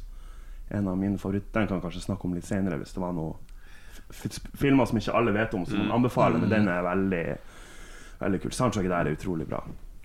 Mm. Jeg kjente at det begynte å bla bak i hjernen. Har jeg sett den? Har jeg sett den? Har jeg sett den? Har jeg ikke- Ja, Han kan Karl har ikke sett den. Den er kjempeskummel. ja det har jeg ikke sett. Nei. Nei. It follows. It Follows. Okay. Den er en uh, Så han på TIFF for eh, to år siden. Det er kanskje hands down en av de beste grøsserne jeg har sett på, på de siste 20 årene. Wow. Den er veldig sånn inspirert av, av Twin Peaks og Shining. Og går mer på det psykiske. Og det er ingen jump scares, og det er bare utrolig creepy. Og Ja, Ja, men da da, kan jeg da overleve. kanskje jeg ser den. Altså. Ja, som, som, faktisk, når du sier det, så har jeg vist den til folk som er veldig redd jumpscares og sånn, og har likt den veldig godt. Ja. Og ehm, Ja, nei, den er utrolig bra. Og du blir redd hvis du er, ikke er redd grøssere, så blir du redd av å se den filmen der. Du ser bak din når du går hjem, liksom. Den er veldig creepy. Men utrolig bra. prøve. Veldig bra soundtrack også. Ja. Mm. Ja, Nei, for Hvis det ikke er jumpscares, så tror jeg Ja. kanskje jeg takler det. Det er, det er de jeg syns er Ja. kjipe. Ja, for det er det jeg også blir tatt av. Jeg har aldri blitt tatt av å være redd, for jeg finnes ikke mørkredd. Og jeg er aldri sånn Hvis jeg hører en skummel lyd, så er jeg sånn derre Åh, nå er det et eller annet som skjer ute, liksom. Jeg blir ikke noe, jeg blir ikke noe stressa av det. Men hvis, det, hvis jeg kan bli det, så kan jo det kanskje bli litt spennende. Veldig bra. Og den, er, den bruker den her Twin Peaks Uh, Mm. du, du liksom ikke vet helt hva som skjer, og den er veldig sånn Ja, den er utrolig bra film. Så den uh, må sjekkes ut. Hvis jeg tenker også på de eh, filmene og, og sånn som jeg syns er skumlest, Mm. så er det jo sånne ting som 'Shining', som har en veldig Veldig sånn der, eh, psykologisk undertone Ja. hele tiden. Ja. Det er creepy hele Mm. tiden, ikke så mye jump scares. Også den scenen fra eh, Ringu. Første, altså The Ring, japanske. Å gud, ja, du snakker om den Når du kommer opp av brønnen. Og så, Ja. ikke sant? Så jeg satt alene og så i leiligheten min eh, midt på natta. Klokka var to eller noe sånt på natta og så den, med headset. Ja, det, oi. Men det er heller ikke sånn jump. Altså, den, er bare, den kommer bare krypende på deg, sånn uunngåelig. Ja. Ja. Yes, Har du flere spørsmål, Truls? Ja, skal vi se her nå. Um, ja, Ja, det var mye bra. Eh, skal vi se Kan egentlig bare spørre sånn uh, seriemessig. Det var jo også litt der. Mine favorittserier. Mm. Og da har jeg et par spe veldig spesifikke svar. Uh, jeg har jo ei topp fem-liste der kanskje 14 serier er på, topp, på toeren. Men på én har jeg en tre serier jeg er veldig glad i. da Og da kan vi begynne med Sopranos. Jeg er veldig, veldig glad i Sopranos. Band of Brothers, som er den Tom Hanks Spielberg-krigsserien på én sesong. Og Freaks and Geeks, som jeg spurte om masse ganger i podkasten deres. Så under der kommer jo Breaking Bad og, og Game of Thrones og alle der for min del. da Men det er de tre som skiller seg ut for min del. da mm. Ja, jeg har ikke fått sett uh, Freaks and Geeks ennå. Nei. Jeg fikk jo tak i den, jeg kjøpte den boksen. Og så skulle jeg i en bursdag til noen. Jeg husker ikke, Det kan hende det var til deg, Karl. Jeg husker ikke. Så ga du bort, eller? Jeg, jeg ga den bort, for den var fortsatt i plast, ikke sant? Å ja, men jeg, jeg har ikke fått den. Greit. Jeg Men jeg husker jeg, jeg har kjøpt Freaks and Geeks til noen en gang. Ja. Og sett første episode med dem. Nettopp. Men uh, mer enn det har jeg ikke sett. Åh, jeg, så, jeg gleder meg så sinnssykt til den derre uh, Er det Hiding Nei, hva heter den der pølsefilmen til uh, Seth Rogan? Og, Ja, Sausage Sausage Fest. Sausage Party, ja. Sausage Party, ja. Mm. Så helt Ja. ja. Den gjengen der er jo så morsom. Ja. Så, nei, Freaks and Geeks er Jeg så den der var der var Hva det blir Den kom ut i 1999-2000, Da var jeg ni-ti år. Gikk han på TV Norge hver lørdag klokka to. Så så jeg den, og når jeg ble eldre, så skjønte jeg jo hvor kult det var. Og begynte å bare se det på nytt igjen. Da. Det er mye kjente folk du ikke Som bare dukker innom der. Som han eh, bad guyen i Tilbake i fremtiden er jo, er jo gymlæreren. Ja, nettopp. Så har han, han lokale funksjonshemma er jo han Ben Foster, som spiller han eh, engelen i X-Men-filmene. Mm. Så ja, mye bra. Altså, det er mange som starta karrieren sin der, og så er det Ja. mange sånne som dukka opp, opp Ja. som fra, Mm. selv om de var godt etablert fra før. ja. Det er kult. Ja, uh, nyserien. Har du sett uh, nyserien til han uh, Apatow, den gjengen? Hva er det den het igjen? Det er den uh, uh, med, hun- med, med hun fra Åh, nei, vi går videre. Den der serien med de der dama. Ja. Ja. Ja. Den går på Netflix nå. Jeg skal, jeg skal finne ut hva den heter. ja. Og så kan dere Er det den komedien? Ja, det er en slags komedie. Ja, med hun uh... Den fra uh, Ja. Ja, hva kødder nå, altså, men Ja, nei, men det er, det er den der serien med hun uh... Ja, ja, det er det. Hun der, ja. Den heter bare Love. Det var derfor den er så enkelt ja, at jeg bare ja, glemte ok. ja. Jeg har ikke sett den, men den er på lista, da. Ja, nettopp. mm. jeg, veldig, jeg, jeg visste det jo ikke, så jeg bare tenkte det var gøy å bare dra det videre. Ja, Har du flere spørsmål, eller skal vi begynne å plukke litt? Ja, dere kan jo komme med noen spørsmål, dere kanskje? Jeg vet ikke. Det er vel eh, Noe dere syns så, så Ja, bra ut. jeg har et, et her. Ja. Eh, Fra Mats Olav Savjord Sundsfjord. Han sier JJ Abrams kommer visst nok, eller jobber visstnok med filmatisering av Half-Life og Portal. Hvem vil dere helst se i hovedrollene til en eventuelt Half-Life-film, og hvilken handling håper dere på? Bryan Cranston. Ja, jeg skulle akkurat å si det. Brian Cranston det som, var noen som eh, posta et bilde som svar av Brian Bryan Cranston. to, tror jeg. Ja, det var Mats som posta Bryan Cranston. Mm. Så Mm. ganske enig i det. Altså. Ja, Hugh Laurie også. Han kanskje har Ja. gjort seg godt der. Jeg syns Bryan Cranston er så god skuespiller, og Mm. hvert fall med den Trumbo han ble nominert nå. Ja. Utrolig flink, så han gjør så mye rart, så jeg tror han kan ace flere Han har en kjempekul rolle i Drive også. mm, Ja, veldig. Så ja, han er ganske Men han har da- der, altså. Han har da spilt mye som også er litt sånn awkward. Må ikke glemme Malcolm in the Middle. Tidenes Ja, Malcolm in the eh, stressa Middle. far. Sant. Nei, det er litt morsomt med de skuespillerne som på en måte har fått eh, en, en, eh, et nytt liv. Etter å ha vært eh, typecasta i mange år, og så Mm. får de en rolle som får at de breaker bad. Spiller spiller ikke han scientist i uh, Godzilla eller noe sånt? Ja. Jo, stemmer. Uh, ja. Det var uh, Ja, Kanskje- kanskje ikke like bra. hva skal den handle om, den Det var vel det spørsmålet sto. Jeg vet ikke. Ja, det, ja, det skal Det var hvem skulle spille, og hva skal den dreie seg om? Det var en Half-Life-film skulle handle om. Hmm. Ja, Altså- hvilken handling håper dere på? Ja. Plottet, eh, plottet i, um, i uh, Half-Life 1 er jo, uh, er jo et uh, A blockbuster-plott. med det rette manuset så kunne det blitt en kanonbra film. Eh, det måtte jo bli fortalt på en litt annen måte, fordi uh, fortellerteknikken til Valve er jo at uh, all handlinga skjer via NPC-er. Altså De forteller, de sier ting eh, til deg, da. Eh, du er stum. Det det er på en måte du er, Det er du som er der, ikke Gordon Freeman. Så du måtte ha fortalt den på en helt annen måte. Men det at det finnes et hemmelig eh, eh, organisasjon inne i Nevada, i fjellene i Nevada, ørkenen, eh, Black Mesa, som prøver å åpne en portal til, til en annen planet. Mm. og forsker på masse sånne ting, og så går ting gærent. Det er et bra plott. Det. Og så har du liksom G-Man som eh, lusker litt i bakgrunnen. Hvem er han? Han kan være litt sånn mystisk, ikke sant? Ja, Hvem skulle spilt G-Man?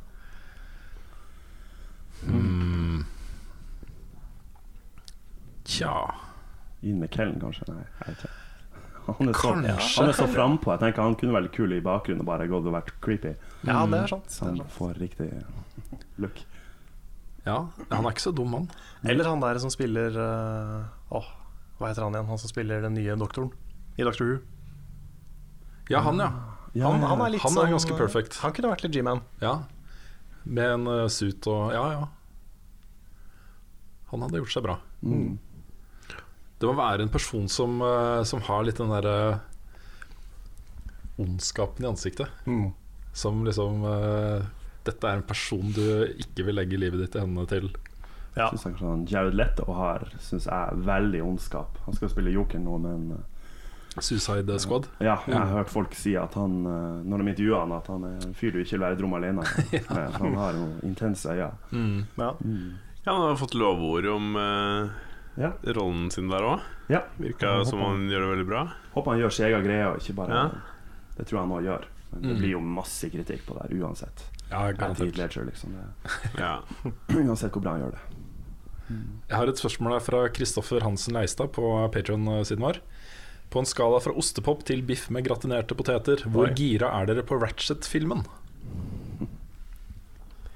ja, jeg må spille spillet først. Ja, Før jeg, før jeg blir gira. Ja, og til å ikke like verken ostepop eller gratinerte poteter, så vet jeg egentlig ikke hvor jeg skal plassere det, men jeg, eh, jeg gleder meg. Veldig. For jeg syns det ser morsomt ut.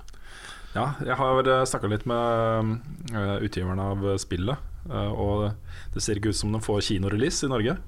Så det blir sånn rett på Blu-ray-film, eh, eller streaming, da. Sannsynligvis.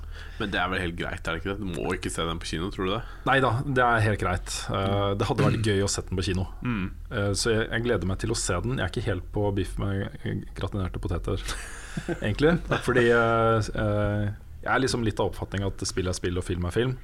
Men eh, samtidig så er Ratchet Clank-spillene eh, laget på en måte som er veldig inspirert av eh, Pixar og Disney Mm. og, og den nye bølgen med animasjonsfilmer. Da. Mm. Eh, du har liksom de samme type eh, arbeid med rollefigurer og dialog og humor og eh, dobbel innuendo-ting. Eh, Mm. Ting som kan være morsomt for voksne, eh, mens barn ikke helt skjønner hva dobbeltbunnen her. Og Bare sånne se på titterne på alle spillene til Ratchet ja, Clank, så finner du jo det. Ja, De ble oversatt til Europa, alle sammen. Ble det? Ja, altså I, I USA så heter jo spillene sånn Up Your Arsenal og Going Commando og sånt.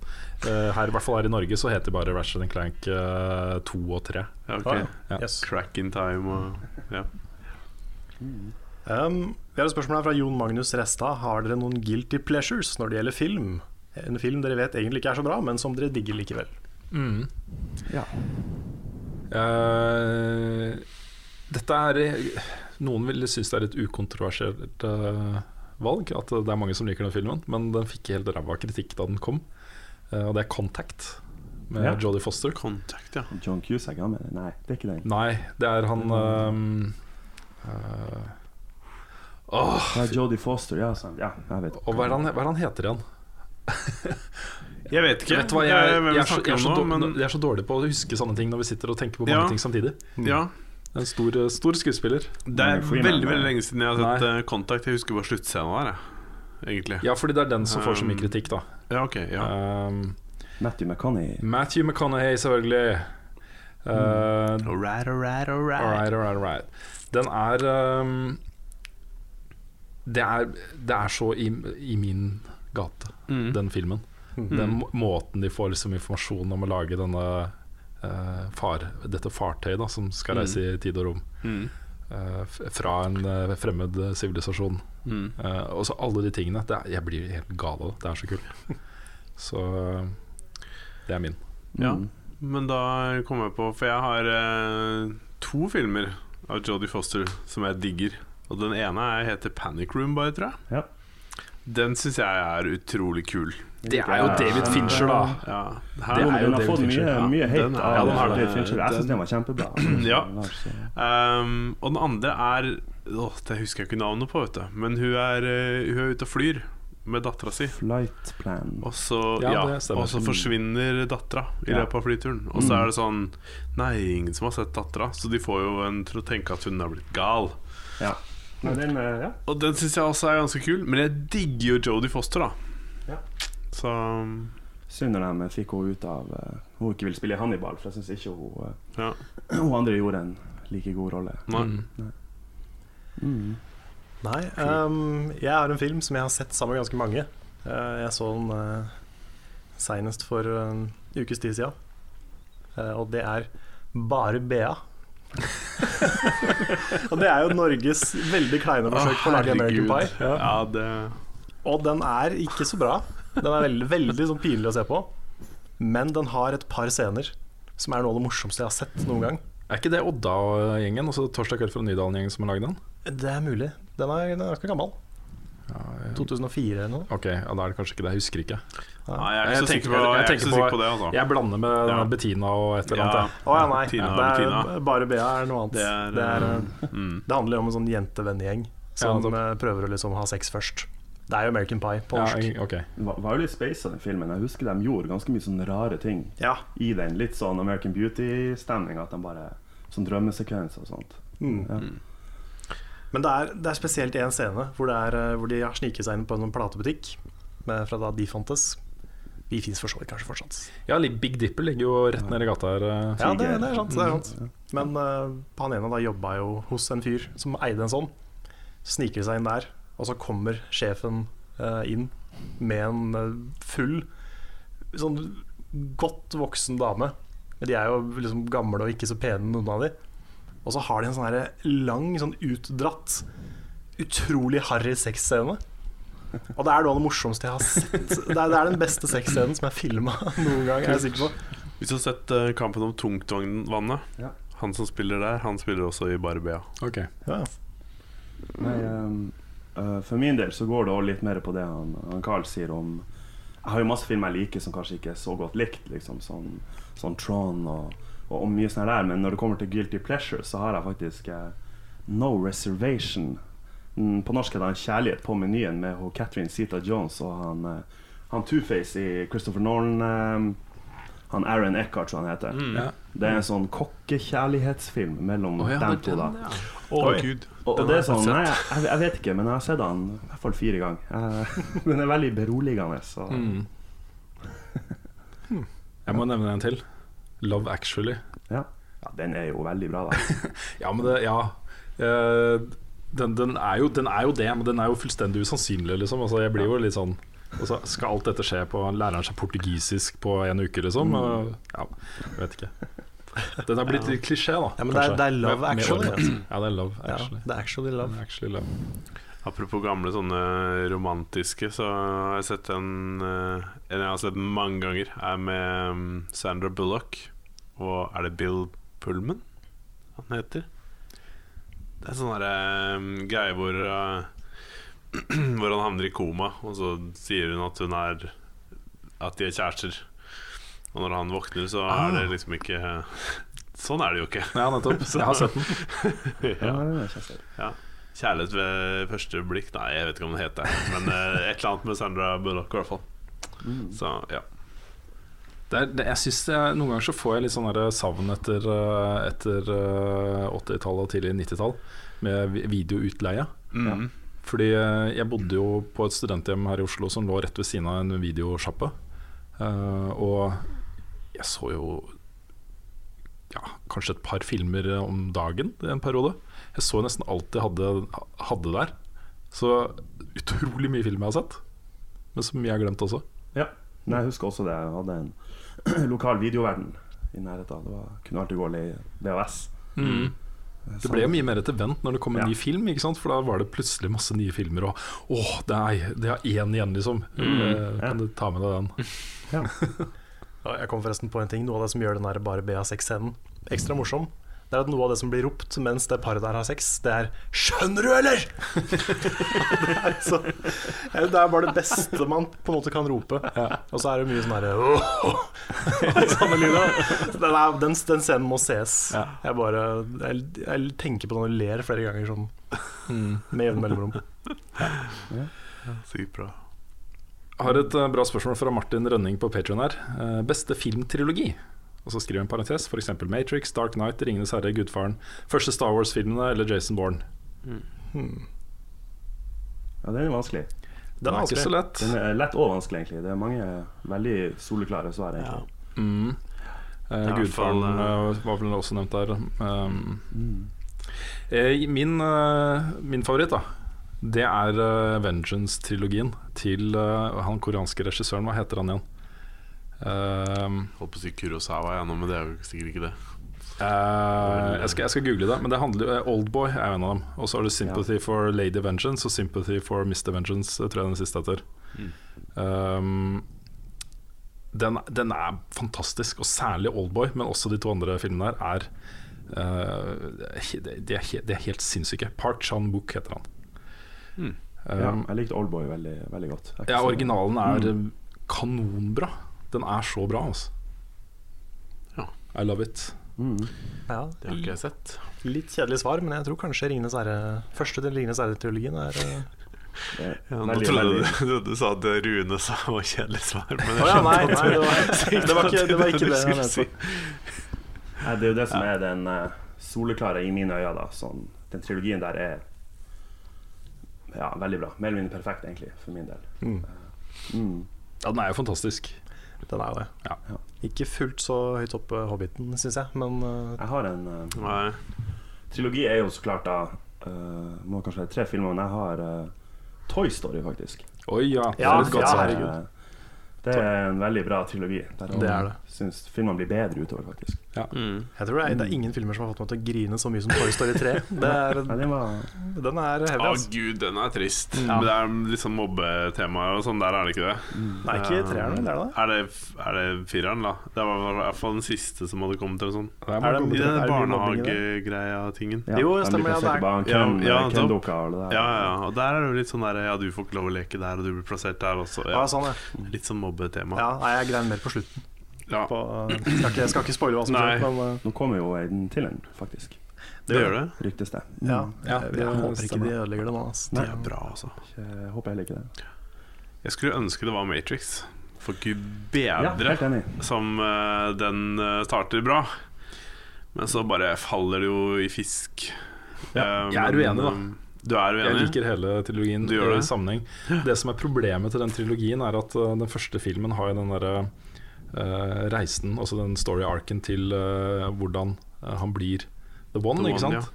Uh, og når han har blitt det, det å gå videre fra det er Mm. dramaturgisk mye vanskeligere. Og ikke fullt, altså du må uh, spille på andre ting, da. Det er sant. Uh, men det den serien tar opp, er jo masse sånne filosofiske spørsmål om rundt det. Hvor, hva, er det, hva vil det si å være menneske, og, uh, Mm. og sånne ting. Eh, og masse sånn filosofisk teori. Eh, alle de lange monologene som eh, disse forskjellige rollefigurene Mm. i The Matrix holder. Mange av det, mye av det er jo basert på, på liksom filosofiske diskusjoner. Da. Mm. Uh, så den prøver å si så mye mer enn den faktiske handlingen som, Mm. som skjer der. Ja, det er jo utrolig interessant. For det er liksom sånn Det er noen som styrer oss, eller og simulerer den verden vi er i. Og så kan man begynne å tenke liksom Er det noen som simulerer den verden de er i, som simulerer oss? oss ikke sant? Det er jo ganske interessant eh, teori, men um, ja. Jeg var veldig glad i ena. Jeg var jo litt yngre da de kom ut, da, så du digger jo alt, liksom, når du er Ja. en viss alder, men Mye av problemet der også er at CGI-en kjører helt på, på trynet. Ja. Den, er, den er så obvious dårlig. uh, og det er litt kjipt, da. Det er sånn, jeg vet ikke om de, jo, om, de, om de hadde dårlig tid, eller hva de hadde der, men uh, ja. Jeg jeg, jeg kan ikke si jeg reagerte på akkurat det i de filmene. Nei, Men, spesielt i slåssescena hvor uh, det er mange av Nio, Mm. eh, og hvor eh, Ja, det stemmer det. Det var i Smith, mener du? Ja, hvor, ni, Ja, ja, hvor det er mange av Smith, men jeg, og hvor ja. de slåss mot hverandre. Dette var jo Det var vel i i toeren og treeren, eller toeren eller treeren. Det var kanskje treeren, hvor det var så veldig mange av dem samtidig. Ja, toeren. Ja, ja toeren? jeg tror det var toeren, ja. Ja, fordi de var, de var de første som uh, la på ansiktene til skuespillerne digitalt Aha. for den type scener. Mm. Det hadde ikke blitt gjort i film eh, før det. Ja. Så, så akkurat de sekvensene er jo Ja. gjøres jo bedre i dag. Ja, det har noe med når han flyr og tjoai. Men så gud bedre så tar det jo igjen mye, da. I den der, um, I den car chase-scena. Herregud. Ja, Hvor- ja, ja, med 14-15-16 minutter sammenhengende. De har bygd hele veibanen og systemet, og det Fy fader, det er bra, ass. Ja. Før vi går videre, så må vi ikke glemme Star Wars 4, 5 og 6. Ja. Nei, det er sant. Vi får mye hat hvis vi ikke har det med. Ja, da, nei, men det er jo en Det er jo en uh, viktig serie for alle som er opptatt av nerdekultur. Den er jo Mm. integrert i uh, hvem vi er, Ja. på mange måter. Mm. Så den har jo stor betydning. Mm. Er det noen som har funnet noen interessante spørsmål? Vi har et uh, interessant spørsmål fra Thomas Pollen Stavik her. Uh, jeg vet dere har snakket litt om rating av spill som en subjektiv prosess. Tenker dere det samme om film? Er det egentlig lov å si at en film er bedre enn en annen? Om ja, hva er det som gjør at en film er bedre enn en annen? Og om nei, hva er vitsen med flinke regissører da? uh, det er jo det samme i film som med spill, at deler av uh, filmskaping er jo uh, basert på fag.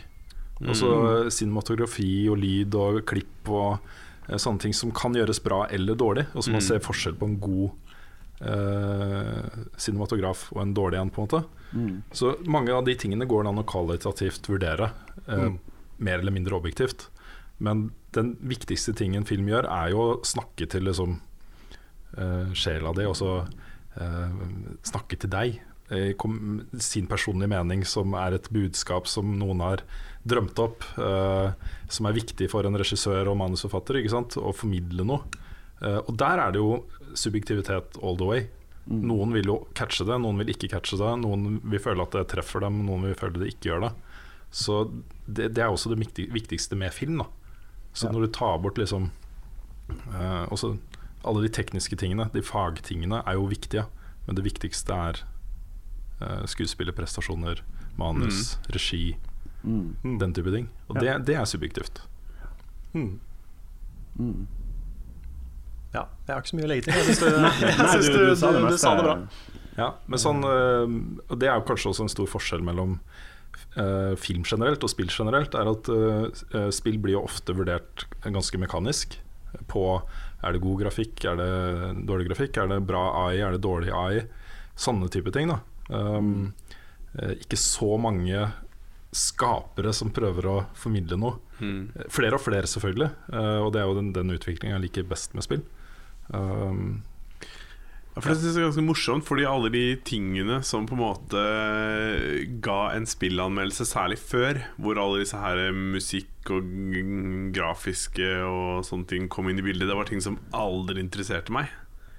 Det har aldri vært viktig for meg om et spill skal selvfølgelig fungere og spille det uten altfor store problemer, men det er, jeg syns ikke det er det avgjørende om et spill er bra. Nei. Om det er liksom For min del kommer det veldig an på sjangere. sånn som grøssersjanger. For min del uh, sånn åpen at, at ting er åpenbart. Liksom sånn at, at du går ikke dit alene. Du, du, når, sånn som The Conjuring, kanskje, som jeg liker Ja. veldig godt. Uh, uh, den fikk også De gjorde ikke dumme ting. Det var liksom sånn her Skjer det noe, noe, noe, ki, noe sykt kjipt, så venter du ikke i tre uker for å se om det skjer igjen. Du, du, tar, tar, gjør noe med det. Og det er liksom sånn Så det kommer an på sjangre. Liksom. Actionfilmer, da er det jo grafikk og kule actionscener og sånne ting. Så har du drama, skuespillerprestasjoner, liksom. Det mm. kommer litt an på hva. Ja, mm. samme sjanger, altså. Cabin in the Woods gjør en sånn utrolig morsom Ja. vri på Åh, den. Den er så bra! Mm. Den er dritbra. Den er kongefilm. Ja, den er fantastisk. Ja, den er veldig, veldig kul. Uh, Jostein Johnsen har et bra spørsmål her. Um, hvilken filmatisert bok er deres favoritt? Kan man også si hva, noe man virkelig hater, som bare Ja, du kan si hva du vil. Ja. Dette er Nei, jeg har jo, det er jo så klart uh, Ringenes herre er jo veldig bra, sånn, sånn her og alt det der. Det er bøker, men 'Engler og demoner' av Dan Brown Jeg elsker den boka skikkelig. Mm. Den er så bra. Og filmen var så dårlig. Ja, Jeg helt ble så skuffa. Ja. Så det kan jeg kan begynne med det, i hvert fall. Men, eh, Nei, Den klarer jo virkelig ikke å catche det, det dramaet og det actionnivået som er i boka. Du Nei. klarer jo ikke å gjenskape det i den filmen. Ja, Min favoritt er nok eh, Fight Club. Ja. Jeg er veldig glad i Chuck Palahniuk. Jeg har lest stort sett alt han har skrevet. Eh, og det David Fincher gjør med uh, den boka Makter å gjøre det som er liksom riktig måten å gjøre det på. Da. Så er, ok, du, du tar utgangspunkt i et grunnmateriale som er bra, og så er, er du tro mot det. Men så eh, legger du til på en måte din egen stemme og gjør det på en måte som fungerer i filmsammenheng. Eh, nå skriver jo Chuck Palahniuk ganske filmatisk i utgangspunktet, så det er ikke sånn supervanskelig. Eh, men eh, Fincher har liksom virkelig catcha eh, hva Palahniuk mener å si med boka, og lagt på liksom regigrep og visuelle grep som støtter opp under det. Da. Eh, så jeg elsker boka, eh, og jeg elsker filmen. Og det er, eh, det er skikkelig bra. Og så må jeg også nevne uh, Shawshank Redemption og Ja. The Green Mile. Green Mile, ja. Ja. Stephen King. Yes. Um, jeg, har- jeg har jo alltid vært, eller i mye større grad før, da, veldig veldig glad i Stephen King. Og da kanskje særlig det han skrev som Richard Backman. Som jo er, disse to er jo basert på eh, noveller som han skrev som Richard Backman. Eh, og det var jo et navn han brukte for å fortelle en litt annen type historier enn de skrekkhistoriene han er mest kjent for. Ikke sant? Ja. Uh, og det, det er bare måten det er fortalt på i de filmene, er helt fantastisk. Altså. Ja. Ja, jeg, jeg prøver å komme på noe, men uh, det er liksom de dere har nevnt. Jeg har ikke egentlig sett så mange filmer som er basert på bøker jeg har lest. Ja, men du fortalte jo til meg at, uh, at det står litt mellom um, Fifty Shades of Grey og um, Twilight. ja, Twilight. Ja. Ja. Ja, det sliter jeg med å velge, altså. At det er en av de to, liksom. Mm. Mm. Twilight tror- er Twilight-filmen. Ja. Er ikke den som hadde så forferdelig eh, dramatiske følger på settet? Uh, Eller- eller nei, tar det, jeg det, er, det, det er jo den uh, vampyrfilmen med uh, Edward Cullen. Ah, okay. okay. Ja, ja, Kanskje det er Twilight Zone jeg tenker Jeg på? tror de fleste skjønte at Rune tulla, men det, det, var, var tull.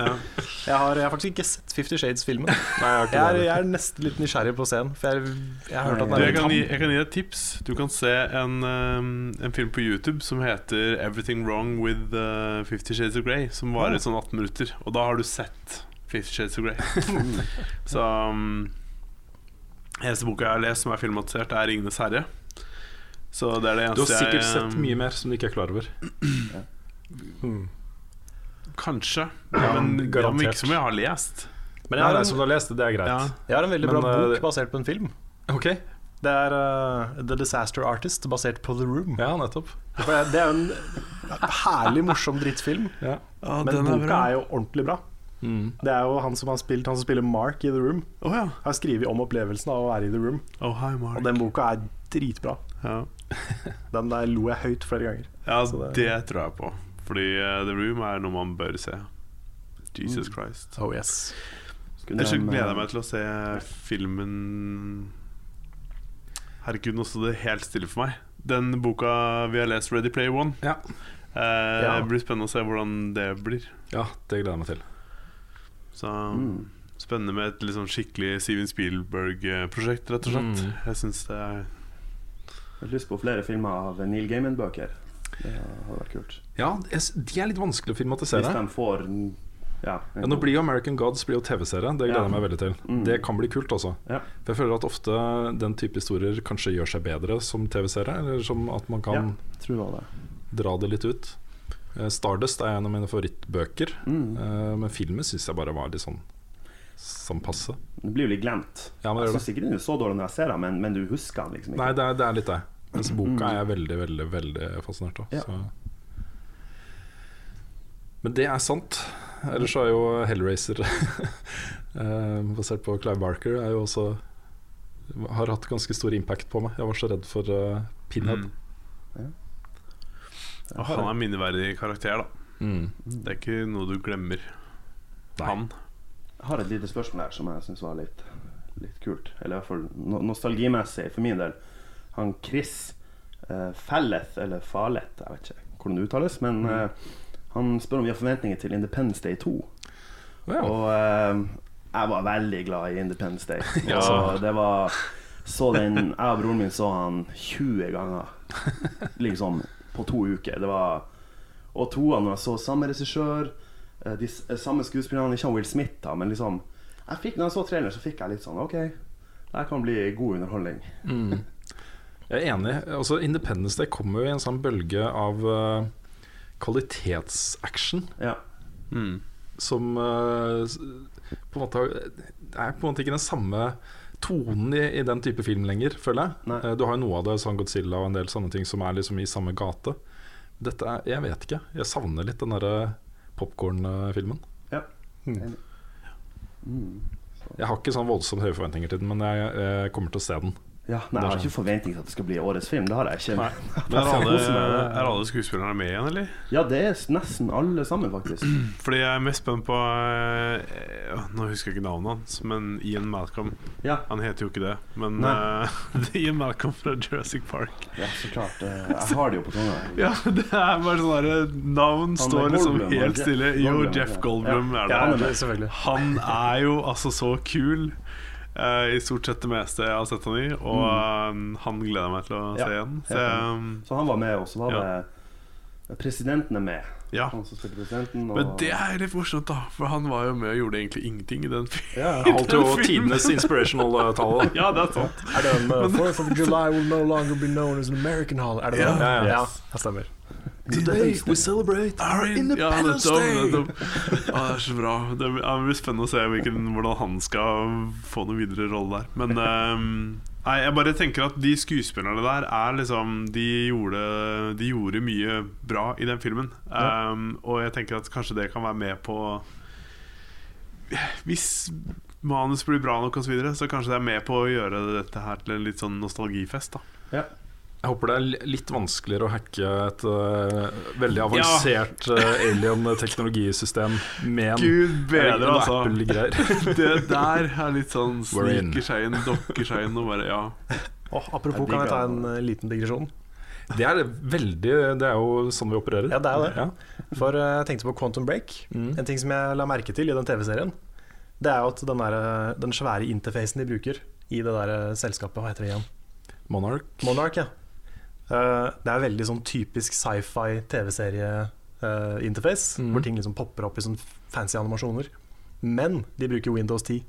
Ja, men de gjør det, og alle telefonene også har Windows-telefoner. Det det, er jo Microsoft som er publisher, da. Ja, men jeg har nesten aldri sett det. Nei. Det er liksom På Xbox da kommer Windows 10, Ja, ja. men alt det andre er sci-fi. Det synes jeg var litt morsomt. ja, det er litt morsomt. Dette er jo eksklusivt på Windows 10 også, så det er vel Ja, ja. eh, ikke akkurat noe eh, Ja, jeg vet ikke. Nei, det er, uh, det er gøy. Et bra og kjapt spørsmål fra Lars André Holtehagen her. Hva er best, 2D eller 3D på kino? 2D. Ja, 2D. 2D. Ja, da skal jeg kanskje ta andre Det kommer an på for min del. Ah, ja. Jeg jobber på kino og eh, har sett Konan i 3D, og jeg ble nesten blind. Den er helt forferdelig i 3D. Ja. Men det, jeg syns det kommer litt an på. Animasjonsfilm er kjempebra i 3D. For da får du ikke de her eh, kjipe tingene og Det kan godt hende det er bedre. Ja, det Problemet mitt når jeg har sett vanlig film i 3D, er i hvert fall at det, det gjør så mye uh, for synet mitt at jeg, jeg blir svimmel og kvalm av Ja. å sitte og se på. Ja. Og det er det som gjør at 3D ikke funker for meg. Men jeg har ikke prøvd det på en animasjonsfilm. Nei, jeg skjønner jo det, og jeg er jo sånn hvis jeg får valget mellom en ny blockbuster 2 og 3D, så tar jeg jo 2D. Det gjør jeg, men sånn som Star Wars og de her. Men uh, jeg så Batman vs Supermann på pressevisning i Tromsø i 3D, og den var Jeg la ikke merke til det. Ok Så det blir jo bedre, det gjør jo det, men det har ikke så mye å si for min del, egentlig. Og så legger jeg også merke til at uh, her sitter vi tre stykker uh, med briller i sofaen, og en uten. Og Ja. mm. den uten briller liker 3D bedre enn Det kan de tre andre. en, kan være en sammenheng. Altså. Jeg syns det er ubehagelig å sitte med de brillene oppå de andre brillene mine. Ja, Får du sånn klipp-an uh, Ja, det er sant. Det gjør man jo. Jeg, jeg Greit. pleier å, for jeg har jo gått på 3D noen ganger, og da har jeg pleid å ta på linser. Mm. Men jeg føler det er så ofte de, de 3D-brillene er, er litt mørke. Så hele filmen blir mørkere av det. Mm. Jeg vet ikke om det Nei, jeg er ikke sikker, men det kan. Men du sa altså nå at eh, du følte at det ikke var så stor forskjell når du så eh, Batman vs. Nå har ikke jeg sett den i 2D, da, men, men det med det at jeg bare la ikke merke til 3D-en, egentlig. Nei, men tenker du da For Spørsmålet var jo om man syns 2D eller 3D er best. Er det sånn at når du ser 3D at du tenker bare wow, dette er sykt mye fetere enn 2D? Jeg kan jo svare, Det var bare alle som svarte, Ja. svarte nei, så jeg svarer jo 2D er jo best. Sånn. Ja, for det, Men uh, jeg tenker at den teknologien er liksom sånn Hva gjør den egentlig? Er det så bra at vi må ha den? Avatar, liksom. Sånn. Ja. Når du ser de der filmene, og Up, se opp Pixar-filmen. Jeg husker, jeg tror Oscar eh, sa nesten at den vant nesten bare pga. 3D, for den var helt sinnssyk. Mm, Den var så bra i 3D. Kult. Så, mm. Det, det jeg liker minst, det er når de tar filmer som ikke er filma eller laga for 3D, konverterer det til 3D. For det blir jo bare den verste kinoopplevelsen jeg Ja, har hatt. Ja, med sånne morsomme stolper som flyr forbi kamera og sånn. Som, Ja, ja. som, som plutselig bare skal for å skape dybde i bildet. Åh, Der er Konan et veldig godt eksempel. Ja, og Pirates of the Caribbean 4 så jeg på kino i 3D. Det var, ble aldri gjort. Ja. Det var crap, rett og slett. Det er der de starter de renessanseaktige greiene. Er det ikke det? Hvor han kommer inn i sånn Hvor de sitter og spiser ved et svært bord og noe Ja, jeg greier. tror det, jeg tror det. ja. Er Ja. fengsla. Ja. For den filmen ble bare mørk, og Mm. jeg tok av meg 3D-brillene til slutt, for jeg orka ikke. Jeg husker det kuleste fra akkurat den filmen der er i introen, når teksten kommer, og du ser at teksten står midt ute i kinosalen. Det var fett. Bortsett fra etter det var ikke så bra. Nei. Jeg har et eh, spørsmål her fra en som jeg velger fordi han har et veldig bra navn. Han heter Runar Olsen. Oi. Mm. Oh. Det er fra Patreon Håper dere at The Last of Us blir film? Og eh, Her vil jeg inkludere også, for vi har fått en del sånne spørsmål i den gata, liksom. eh, Som handler om da å filmatisere eh, spill. Så vi kan jo svare litt sånn generelt også på hva vi syns om, om det. Men kanskje eh, starte med å si, eh, svare på spørsmålet. Om vi håper at eh, The Last of Us eh, blir eh, film. Ja, altså Det er jo så nærme film allerede, føler jeg. Ja. Jeg vet ikke. Jeg har ikke noe behov i det hele tatt for å se en The Last of Us-film. Nei, Nei jeg merker det sjøl. Det er ikke på toppen.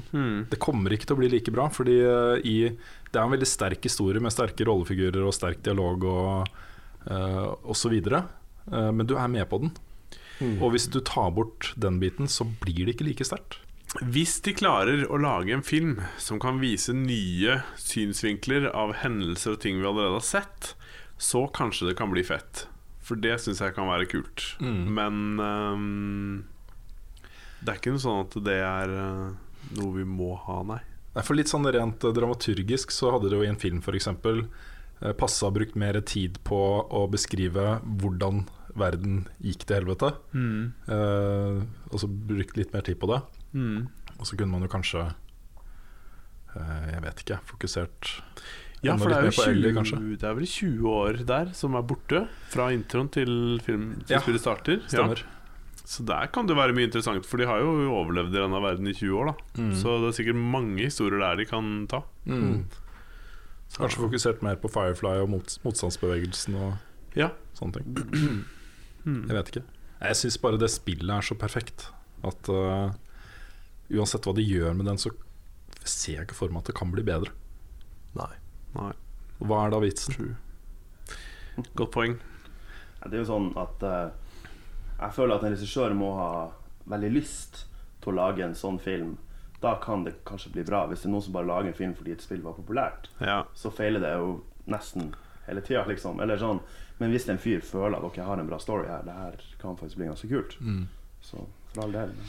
Ja, for de klarte jo å lage en bra ekstrastory i DLC-en der. Så hvis du klarer å lage en lignende greie med de samme karakterene, så er det jo Ja, jeg vet ikke.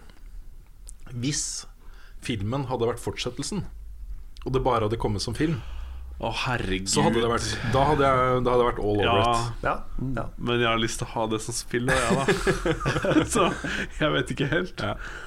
Men det, det med å så, eh, filmatisere spill er jo generelt uh, en litt sånn uinteressant greie for meg. Uh, det, du var inne på det også, fordi um, uh, Det du sa, Truls, om at regissøren må liksom ville si noe Mm. eh, eget og ha et liksom brennende ønske om å gjøre noe ut av det. Mm. Det er jo ikke der det starter. Ikke sant? Det starter jo med en eh, Øy, franchise, eh, annet medium. Ikke Ja. sant? Det er der det starter, Ja. eh, som en pengebeslutning. Mm. Eh, og eh, det resulterer jo i som regel av filmer som enten er dårlige eller helt greie. Hitman-filmen, Prince of Persia. Det lages jo masse ting som er Det er ikke helt greit. Ja. Tidrøyter, liksom. Ja. Laga kun da for å nå de som er fans av spillserien, egentlig. Mm. Føler jeg, da. Ja. Er det ikke laga to Hitman-filmer? To Hitman-filmer. Ja. Andre For den kom- ene, som jeg ikke husker eh, Som den første, tror jeg nemlig jeg har sett. Og den følte jeg var ganske sånn Den underholdt meg. Ja, jeg tror vi tenker akkurat det samme. For den første eh, Da likte jeg faktisk sånn som spilte han Hitman. Timothy Timothy Ja, for det er Ja. Er det det? Ok, Mm. ja. Jeg klarer å se ansiktet hans, men jeg klarer ikke Jeg vet ikke hva han heter. Så um. Ja, Ja. Han, eh, han var vel bad guy i en av uh, Die Hard-filmene, tror jeg. Var det ikke det? ja, det kan Ja. stemme. I Han har spilt Fantomet.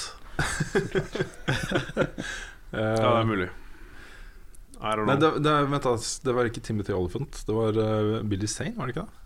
Nei. Nei, du har han uh, Timothy Oliphant. Det var Timothy Olyphant, Ja, ja. ja, det er ikke Billy Sane, i hvert fall. Han spilte i Die Hard 4, faktisk. Han Ja. var han derre uh, high-tech Ja, det. mastermind-fyren. Det stemmer det. Ja. Men han har jo også hovedrollen i Deadwood, TV-serien.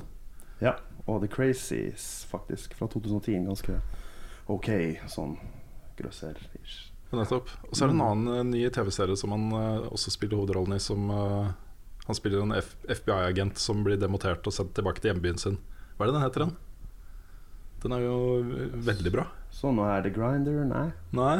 Justified, kanskje. Justified. Ja. Stemmer. Mm. Den er kanonbra. Ja. Jeg blanda han og Billy. Det er Billy Sane som spilte Fantomet. Ja, okay. det var derfor jeg begynte å gå Ja, men, men de kan ligne litt på hverandre, Litt de to karene der. Så jeg skjønner hvorfor du kunne ta feil. Så er det Ass- Assassin's Creed-filmen, da. Um, Michael Fassbender.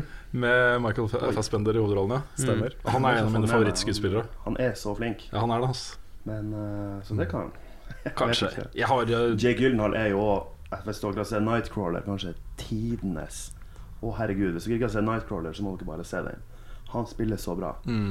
Og han var jo ikke noe særlig i, i den Prince of Persia, egentlig. Den var jo veldig sånn plain.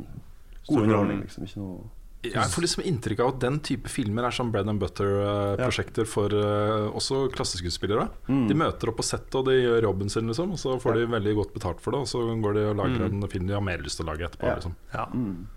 Uh, Det bærer litt preg av det. da Mm. Det samme gjelder, vi har fått spørsmål fra Skal se om jeg finner det spørsmålet. Uh, fra Vegard Kolsvik eh, Kvaran. Uh, hva syns dere om Tomb Raider-filmene? Og Vi har fått veldig mange av den type spørsmål. Ja. Og Tomb Raider-filmene er et eksempel på det. Ja, Helt akkurat. greit, liksom, men uh, ikke noe minneverdig i det hele tatt, egentlig. Jeg blir litt, litt overraska over at jeg, jeg så vel den ene her om dagen. Så han Daniel Craig er vel Ja, det stemmer, det. dukker plutselig opp der. Og han, det var jo før han på en måte ble sånn big, guy. guy. Så det er jo litt artig å se sånn her. Han er helper, er han ikke det? Sånn hjelpegutt til han derre bad guyen. Er det i Tomb Raider 2 at Lara slår en hai? Jeg husker ikke. Jeg tror det er hun slår en hai på nesa og stikker den. Ok Ja, men det er, eh, det er visst en taktikk. Da. Det er det du- skal gjøre, har jeg Det hørt. er, eh, midt øynene. Det er det ene følsomme området de har på hele kroppen. Oi. Så det gjør vondt, da. Ja. Bob til snutt. Ja, Men Daniel Craig sin rolle i nye Star Wars-filmen er vel tidenes. ja, Ja, den er den kjempekult. Han er en av stormtrooperne som kommer er inn til slipper å slipper løs. Ja, det stemmer. Da. Ja, er det ikke han som blir manipulert av henne? Du kan høre det hvis du, Eh, hvis du ser han når han kommer på iTunes, Ja. så hører du godt nok. Så. Mm. Det er artig.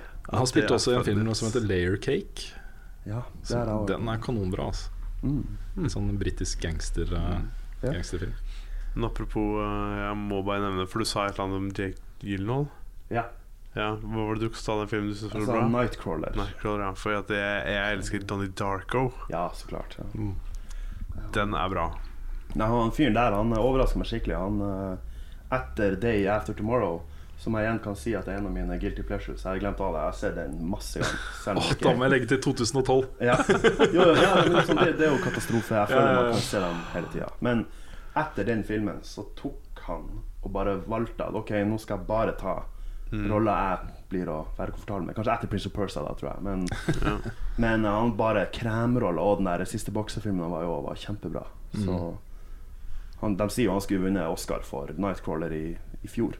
Sa det var den største at ikke han var nominert. var helt Han spiller en psykotisk sånn herre uh, i Hollywood eh, reporter som uh, liksom, Du hører at det har skjedd noe i en by, og så kjører han så fort han klarer for å ta den nyheten. da Så blir han så Ja. psykotisk at han kanskje begynner å å lage ulykker sjøl og sånn. Oi, oi, oi. Se den der. Den skal jeg se. Du får helt sånn Du får bare negativ frysning over hvor creepy den er. Jeg skal, eh, jeg skal se den i kveld. Ja, gjør det. Um, jeg har et spørsmål her fra Christian Lageland. Hva er en film dere setter stor pris på, men som ingen kjenner til, eller som dere mener er undervurdert? Litt i samme gata gate som, eh, litt i samme gate som Guilty Pleasure, bare Ja. mer eh, Mm. ukjent, kanskje.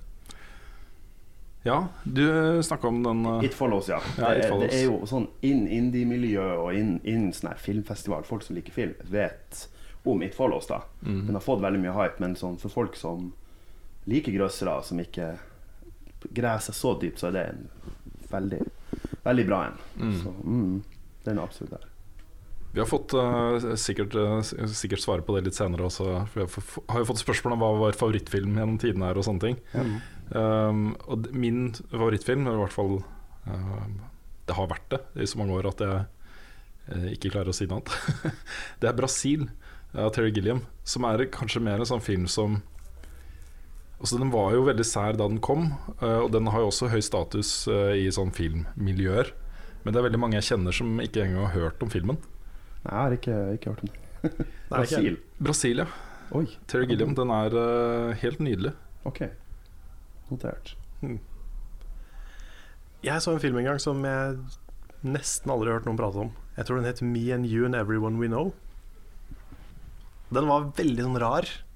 Sikkert litt sånn kunstnerisk indie-greier, men den var, den var kjemperar. Veldig sånn Du ble veldig sugd inn i den.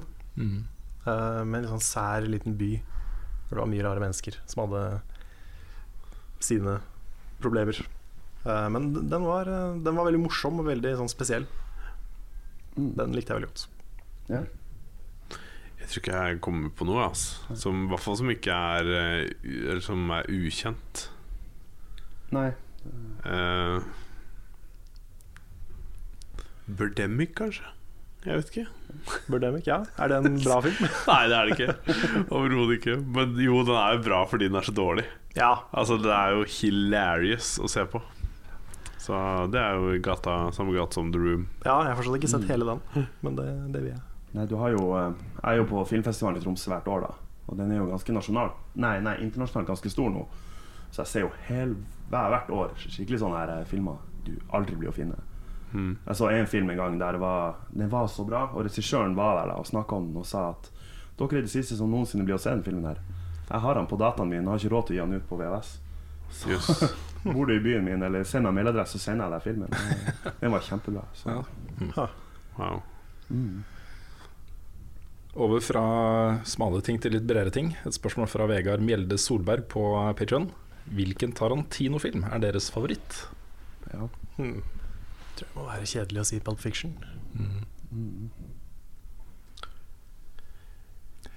Jeg tror jeg er på Kill Bill, jeg, altså. Ja eh, jeg, jeg skulle til å si at jeg egentlig eh, tror det selv. Ellers så er jeg veldig glad i eh, Nå kommer jeg jo ikke på hva den heter, da men den første, holdt jeg på å si. Reservoir Dogs. Uh, Reservoir Dogs. Mm. Yes. Nei, for min del er det, er det mye. Jeg var veldig glad i soundtracket til, til Hateful Eight nå, da, bare for å si det sånn. Ah, det var fantastisk. Morricone var veldig bra, men det var ikke så Og filmen var jo litt sånn ny Tarantino-stil. Men jeg, jeg er ganske glad, glad i Jackie Brown, faktisk. Mm. Og Reservoir Dogs og Pulp Fiction. Men, og Inglourious Bastards er det nye. Ja, Inglorious Bastards likte jeg veldig godt. Mm. Men det var liksom Hele den Christoph Waltz-greia var bare helt rå. Men òg Jackie Brown, syns jeg. Mm. James Gandolfini og Antonio Soprano er vel, eh, er vel med der før han. Mm. Mm. Vi tar en siste runde med spørsmål. Jeg har plukka ut noen på forhånd nå, så vi slipper å leite. Okay. Uh, først er fra Simen Meisdal. Uh, spørsmålet er hvem vinner i en fight i The Hunger Games mellom John McLean, Jason Bourne, Jack Bauer og James Bond, Pierce Brosnan Edition? Der hadde jeg alltid knapp på, på McLean, tror jeg. Han er veldig resourceful. Han er jo det. Mm. Han kom seg gjennom hele den bygningen. Ja, Og diverse. og diverse. Kjørte vel inn i et helikopter en gang. Han gjorde det. Har gjort mye. Han har skutt seg sjøl for å skyte en annen. Mm. Han er litt Han er badass. Han er badass. Jeg vet ikke. Jeg, um, jeg tror han hadde fått bank av uh, Jason Bourne. Tror du det? Jeg tror det. Tenker på, litt på underholdningsverdien, fordi i Hunger Games så får du jo sponsorer. Ja, nettopp. som ser på Mm. det. Så du må, der tenker jeg John McClain er jo helt hodeløs. Mm. Han kommer opp hele tida. Så kan han, Pierce Brosnan som er en fyr som kanskje driver og fikser på noe, og så sprenger han hele den ene sida av. Så liksom ja, Noen som har eh, sett på noe som heter Moviefights her, hører jeg. Tror han som har spurt om det. Så det er litt sånn der type spørsmål som kommer der, da. Mm. Og da Ja. Um, Så du holder en knapp på Pierce Brosnan? Nei, jeg gjør egentlig ikke det. Ah, okay, jeg, gjør ikke det. Jeg, jeg, jeg tar han John McClain bare fordi at han, han gir aldri opp. Mm. Um, Ja Altså, ja, jeg er litt på Jack Bauer. Altså, for hvis du snakker om å aldri gi opp, liksom, så er jo, er jo han der. Definitivt. Um, og han har tålt mye i mange sesonger, for å si det sånn. Ja. Og overlevd både det ene og det andre. Men man vet jo ikke hvor, hvor god han er etter de første 24 timene. Det er sant. bare ned. Men altså, det som er fantastisk, er at han, han klarer å holde ut i 24 timer uten å sove og spise og drikke og gå på do. Nothing. Han bare kjører på. Så da han, han jeg vil tro han liksom gir et enormt forsprang pga. det. Kanskje. kanskje Så um, okay, Karisma har noe å si, Ja. da han Jason Bourne ganske fort ut av vinduet. Ja, det er for så vidt det sant, ja. det er sant, det, altså. Mm. Ja, ja. Eh, spørsmål fra, apropos Pierce Brosnan, spørsmål fra Remi Granheim. Hvilken James Bond-film er den beste? Det er nok veldig nostalgi, men uh, Golden Eye mm. liker jeg veldig godt. Mm. Og så likte jeg jo veldig den uh, Skyfall. Nei, er det den nyeste? Nei, Skyfall. Ja, er det- ja, det er ikke den nyeste, det er den Ikke forrige. Spekter, er den Mm. Spectre er den nye. Så den eh, forrige, ikke den nyeste, men Mm. før der. Det var vel Skyfall, ja. Ja. Den likte jeg. Golden Eye er veldig bra, men jeg må også si at um, Jeg vet ikke hvem av de jeg syns er best, men de to filmene til Tim, Timothy, Timothy Dalton, Mm. uh, 'License to Kill' og 'A View to a Kill' eller noe sånt, heter det det? Det er iallfall a-ha som har sangen til den um, tittel- åpningssangen til den filmen. Jeg syns begge de to er veldig, veldig bra, altså. Var det ikke Roger Moore som hadde den uh, låta? Nei. Nei. Det er, jeg er rimelig uh, sikker på at eh, Men jeg, jeg husker ikke om det er Jeg husker bare ikke tittelen på uh, Jo, det er Roger Moore, fordi det er jo med Grace uh, Jones. Det er fra Paris. uh, Ja, det er kanskje View to Kill, ja. Ja, ja, ja for jeg husker bare ikke hva den andre til Timothy Dalton het. Det kan jeg selvfølgelig finne ut. Men jeg syns i hvert fall begge de to er veldig, veldig Mm. bra. Så ja. Nei, um, det må kanskje bli Jeg vil si Casino Royale for min del. Jeg, Mm. jeg, har, aldri, jeg har sett nesten alle Bond-filmene og liker det, men den filmen der, det var bare sånn Den, ble så, den var så brutal. Og Mats Mikkelsen som bad guy også er, er kjempebra. Og så syns jeg de klarte å få masse action, men også at de her pokerscenene ble like spennende. Så jeg, jeg liker den. Jeg er helt enig, og det var jo eh, en helt, for en gangs skyld, med unntak av uh, Rounders, som er uh, en av mine favorittfilmer, som er jo en ren pokerfilm. Eh, de klarte faktisk å vise ordentlig poker. De spilte ordentlig poker, og det var, det var ikke noe tvil om at her var det liksom folk som kunne poker. Texas Hold'em som, som hadde lagd den scenen. Ja. Så det ble jeg veldig glad for. Jeg tror kanskje det er min favoritt også. Ja. Men det jeg har liksom varmest forhold til, er jo Roger Moore, for da var jeg akkurat riktig alder for Bond. Da han var Bond. Eh, Mm. Jeg syns det var eh, fantastisk. Så ja. Living Daylights. Living Daylights var det selvfølgelig. Yes, og det er a-ha.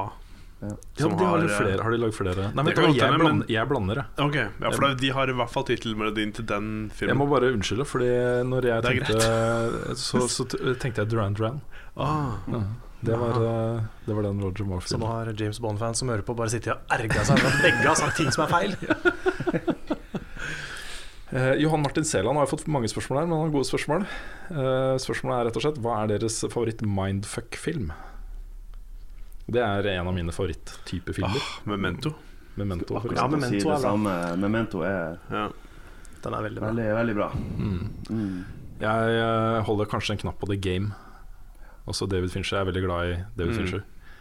Men mindfuck så mye at du ikke skjønner hva som skjer, eller at det er en stor twist? Uh... Ja, det er mer sånn Ja, fordi What? da kan du like godt gå til David Lynch sine, liksom. Jeg tenker på Mulholland Drive. Uh, det er jo og i hvert fall mindfuck. en hvor jeg bare ikke hm? Ja, det er jo en mindfuck. Ja, det Altså, jeg ble, ble så skremt og satt ut av den filmen, så ja. Mm. Nei, eh, det er memento for min del. Jeg, Du har jo Inception her også, men, eh, men eh, jeg var veldig glad i Memento. Den så jeg ganske tidlig når den kom ut. Før han Nolan på en måte fikk satt seg på kartet. da Mm. Jeg elsker den scenen når han våkner opp når han springer, eller han springer og ikke skjønner Springer han der etter meg, eller springer jeg Etter han, ja. Ikke Ja, ikke sant? Ja. ja, det er ganske Det er jo en del, eh, litt sånn apropos Fight Club, så er det en kul Ja. mindfuck-twist. Ja, absolutt. Eh, Unbreakable har en kul twist. Mm. Alle M. Night Usual suspects. suspects. I hvert fall mange av de. mm. Mm. Så har du eh, eh, Vi snakket om Stephen King i sted. Uh, The Mist. Mm. Uh, eh, ikke en bra film. Jeg syns egentlig ikke det, men slutten er Å, den er så trist! Jeg, Jeg skulle ikke si hva som skjer på slutten, men jeg, jeg, du, du ble trist. Jeg begynte å flire, for jeg, det var så Stephen King.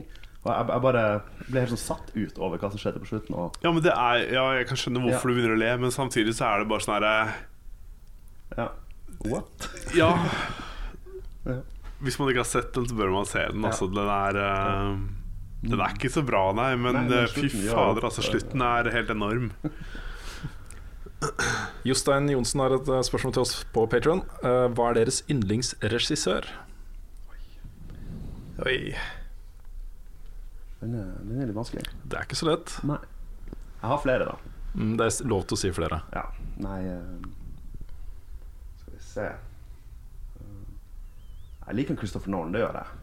Eh, Jeg liker David Fincher også. Veldig mye bra. Ridley Scott også, faktisk. Jeg synes jeg synes mm. Gladiator og alle de der er, er så bra. At det, og Alien og, og liksom sånn, ja. Mm. Mm.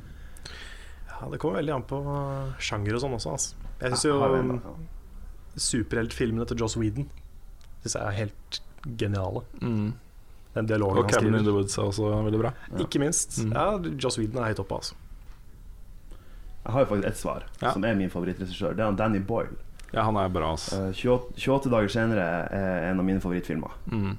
Og jeg digger Danny Boyle med Trainspotting, Slumdog Millionaire og ikke minst Sunshine. Mm. Som jeg tror veldig mange spill Folk som ikke spiller, blir jo like den. Ja. Mm. Og den er kjempebra. Ja. Men uh, ja. Eh, jeg eh, Du sa Ridley Scott, Ja. men altså broren, Tony, han Ja. har jo i hvert fall to filmer som jeg digger. Og det er Man on Fire Åh, den er bra. og Unstoppable. Denzel Washington og Mm. Ja. Altså, Man on Fire er kul, ass. Ja, den er Santana, veldig, veldig bra. Spiller Santana i en bilscene når han skal få ut info. Det er Mm. mye bra. Um, ja. Men det er klart, han har ikke laget så mange som er bra. Men samtidig så er det sånn spesielt Man on Fire Mm. er så bra. Og det samme syns jeg det er eh, med Unstoppable. Det er basert på en sann historie. Det er Faktisk, togfilmer, ja. ja. Jo. Og den er eh, Jeg liker den. Min favoritt er nok fortsatt eh, David Lynch. Ja. Ja. Jeg ehm, Stokka på ny sesong. Ja, veldig. Veldig Mm. jeg, jeg er på en måte altså, Det er veldig mange veldig veldig bra regissører som jeg liker innmari godt. Men de som jeg på en måte blir favoritter, og som er gjerne de som har litt sitt eget uh, forspråk, sin egen måte å lage ting på. Uh, og David Lynch er så unik. Det er ingen som lager ting som ser ut som det han lager. Uh, og det er sært ut av en annen verden ofte. Ja. Men uh, jeg er nok kanskje mest glad i de tidlige tingene han har gjort. Blue Velvet og uh, de filmene der. Men uh, ja, jeg liker han veldig godt. Og så liker jeg de tre Ikke de tre første, for den første filmen som David Fincher lagde, var vel Alien eh, 3. Eh, men han lagde jo liksom tre på rappen med Seven, Fight Club og The Game. Ja. Og de tre filmene Jeg er så glad i. Seven er veldig glad i den sjangeren der. Mm. Der Ikke er- sant? Og der har du Nightcrawler. Det er Ja. den der sjangeren, liksom. Så. Nettopp. Mm. Og det er kult. Greit. Skal vi avslutte med noen spillspørsmål? Det, det kan Det vi kan vi godt gjøre. Eh, takk til alle som har sendt oss filmspørsmål. Det er kult at det er flere som er opptatt av film. Mm. Jeg håper, eh, jeg håper folk syns det har vært greit at vi har snakka så mye om film. Fordi det har vært veldig gøy å snakke om noe annet også. Er det? Mm. Eh, vi tar et spørsmål fra Hild N. Holmquist. Eh, har dere tenkt å spille Overwatch? Og om dere skal, kan dere ta en streamkveld sammen med oss rare seere. Um, og eh, jeg har i hvert fall Jeg gleder meg så sinnssykt til Overwatch. Jeg prøver å holde meg unna den åpne betaen som går nå. uh, for jeg Ja. Men uh, eh, det, er, det er mitt spill. Mm. Og ditt, Lars. Ja, det er farlig å si mye på forhånd, for jeg har også holdt meg litt unna betaen nå i det siste, fordi at jeg vil spille dette her på konsoll. Mm. Um, men herregud, altså. Blizzard de, de kommer til å erobre bare alle spillsjangre til slutt. Mm. Fordi jeg føler at de bare nailer absolutt alt de gjør. Ja. Jeg har tenkt å spille på PC. Ja. Det er et mål for meg å få en, eh, en eh, brukbar PC på plass før Overwatch eh, kommer ut Ja. i mai. Så da skal jeg spille med Håvard. Ja. Vi har avtalt det på forhånd. Dere får ha lykke til. Men jeg håper, jeg håper det blir mulig. Det hadde vært kult hvis det var mulig å sette opp egne private servere der. Så kunne vi Ja. faktisk ha gjort det, tatt uh, spilt med seere. Ja, det er mulig til å koble konsol, eller kontrollen til PC-en. Så det er jo ikke noe umulighet til å spille der. på en måte Det er bare det at eh, hvis du gir meg mus og tastatur, så sitter jeg her og bare egentlig vet ikke hva jeg skal gjøre. Oh, ja. Så, for jeg motsatt. klarer ikke å håndtere det. Nei. Jeg har liksom en mistanke også om at uh, kanskje Overwatch blir bedre på PC. Fordi Blizzard er, Det det. Blizzard er PC-folk. Mm. Eh, De har eh, mye mer erfaring med å lage kontrollsystemer som er tilpassa PC, enn på konsoll. Så Mm. jeg, ja. Det ser amazing ut. Siste spørsmål for denne gangen blir fra Robin Herstadhagen. Har dere spilt Pokémon Tournament? Hvorfor har dere ikke anmeldt dette spillet? Nei, eh, vi, eh, jeg har begynt å spille det. Jeg har ikke spilt det mye. Uh, Svendsen skulle egentlig anmelde det, men så kom eh, tror jeg, tre andre spill han skulle anmelde også. så da falt det litt bort, dessverre. Men vi får se om kanskje det blir noe Vi lager noe ut av det etter hvert. Mm. Om ikke en anmeldelse, så kanskje noe annet. Ja. Vi får se. Vi får se. Vi kan jo runde av og starte med å takke så mye for at du var innom eh, redaksjonen vår, Truls. Det har vært en eh, glede og ære. Tusen takk. Veldig er også på min side. Altså. Og tusen takk for uh, de altfor mange pengene du har gitt oss. Det gikk en del abonnementer på Netflix og vekk på det her. Ja, okay. Så du ikke noe mer film eller sånt på deg nå Nei. for en stund Jeg framover? får gratisbilletter på, på kinoen. Da, Ja, det er jo flaks. Ja, så solgte jeg faktisk et trommesett for å, for å også ha litt penger overs til å Oi, oi, oi. overs. Nei, vi er Så, veldig takknemlige, i hvert fall. Mm. Det er, vi setter utrolig stor eh, pris på det. Ja, det er helt uh, utrolig. Mm. Så vi skal prøve å forvalte de pengene på en fornuftig måte. Det ordner dere.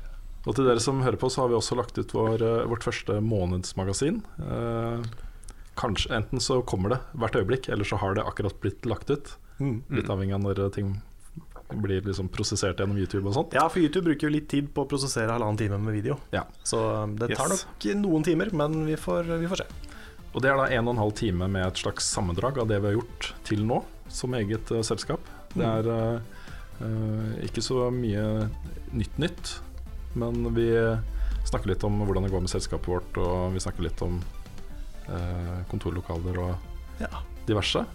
VR og VR og, og sånt. Og så viser vi fram liksom noen, eh, noen av de innslagene vi har lagd.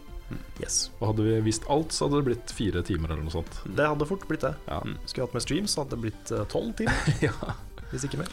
Men for de som ikke har fått med seg ting, så er det bare å dra fram popkorn eller noe god mat og sette seg ned og bare kose seg i halvannen annen time. Det er For mye, eh, mye bra innslag. Det er det, altså. Definitivt. Mm. Folk har levert eh, mye bra. Det har det. Og så er det noe mer å si da? Nei, vi kan jo si uh, takk for oss.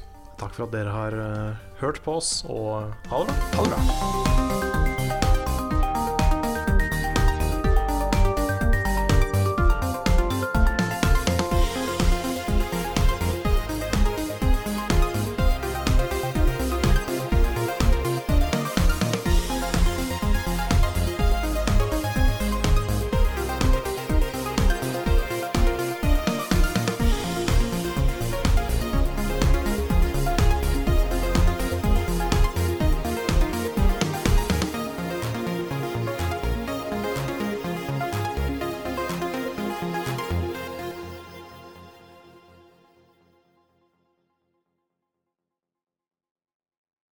Har du et enkeltpersonforetak eller en liten bedrift? Da er du sikkert lei av å høre meg snakke om hvor enkelt det er med kvitteringer og bilag i fiken, så vi eh, gir oss her, vi. Fordi vi liker enkelt. Fiken superenkelt regnskap.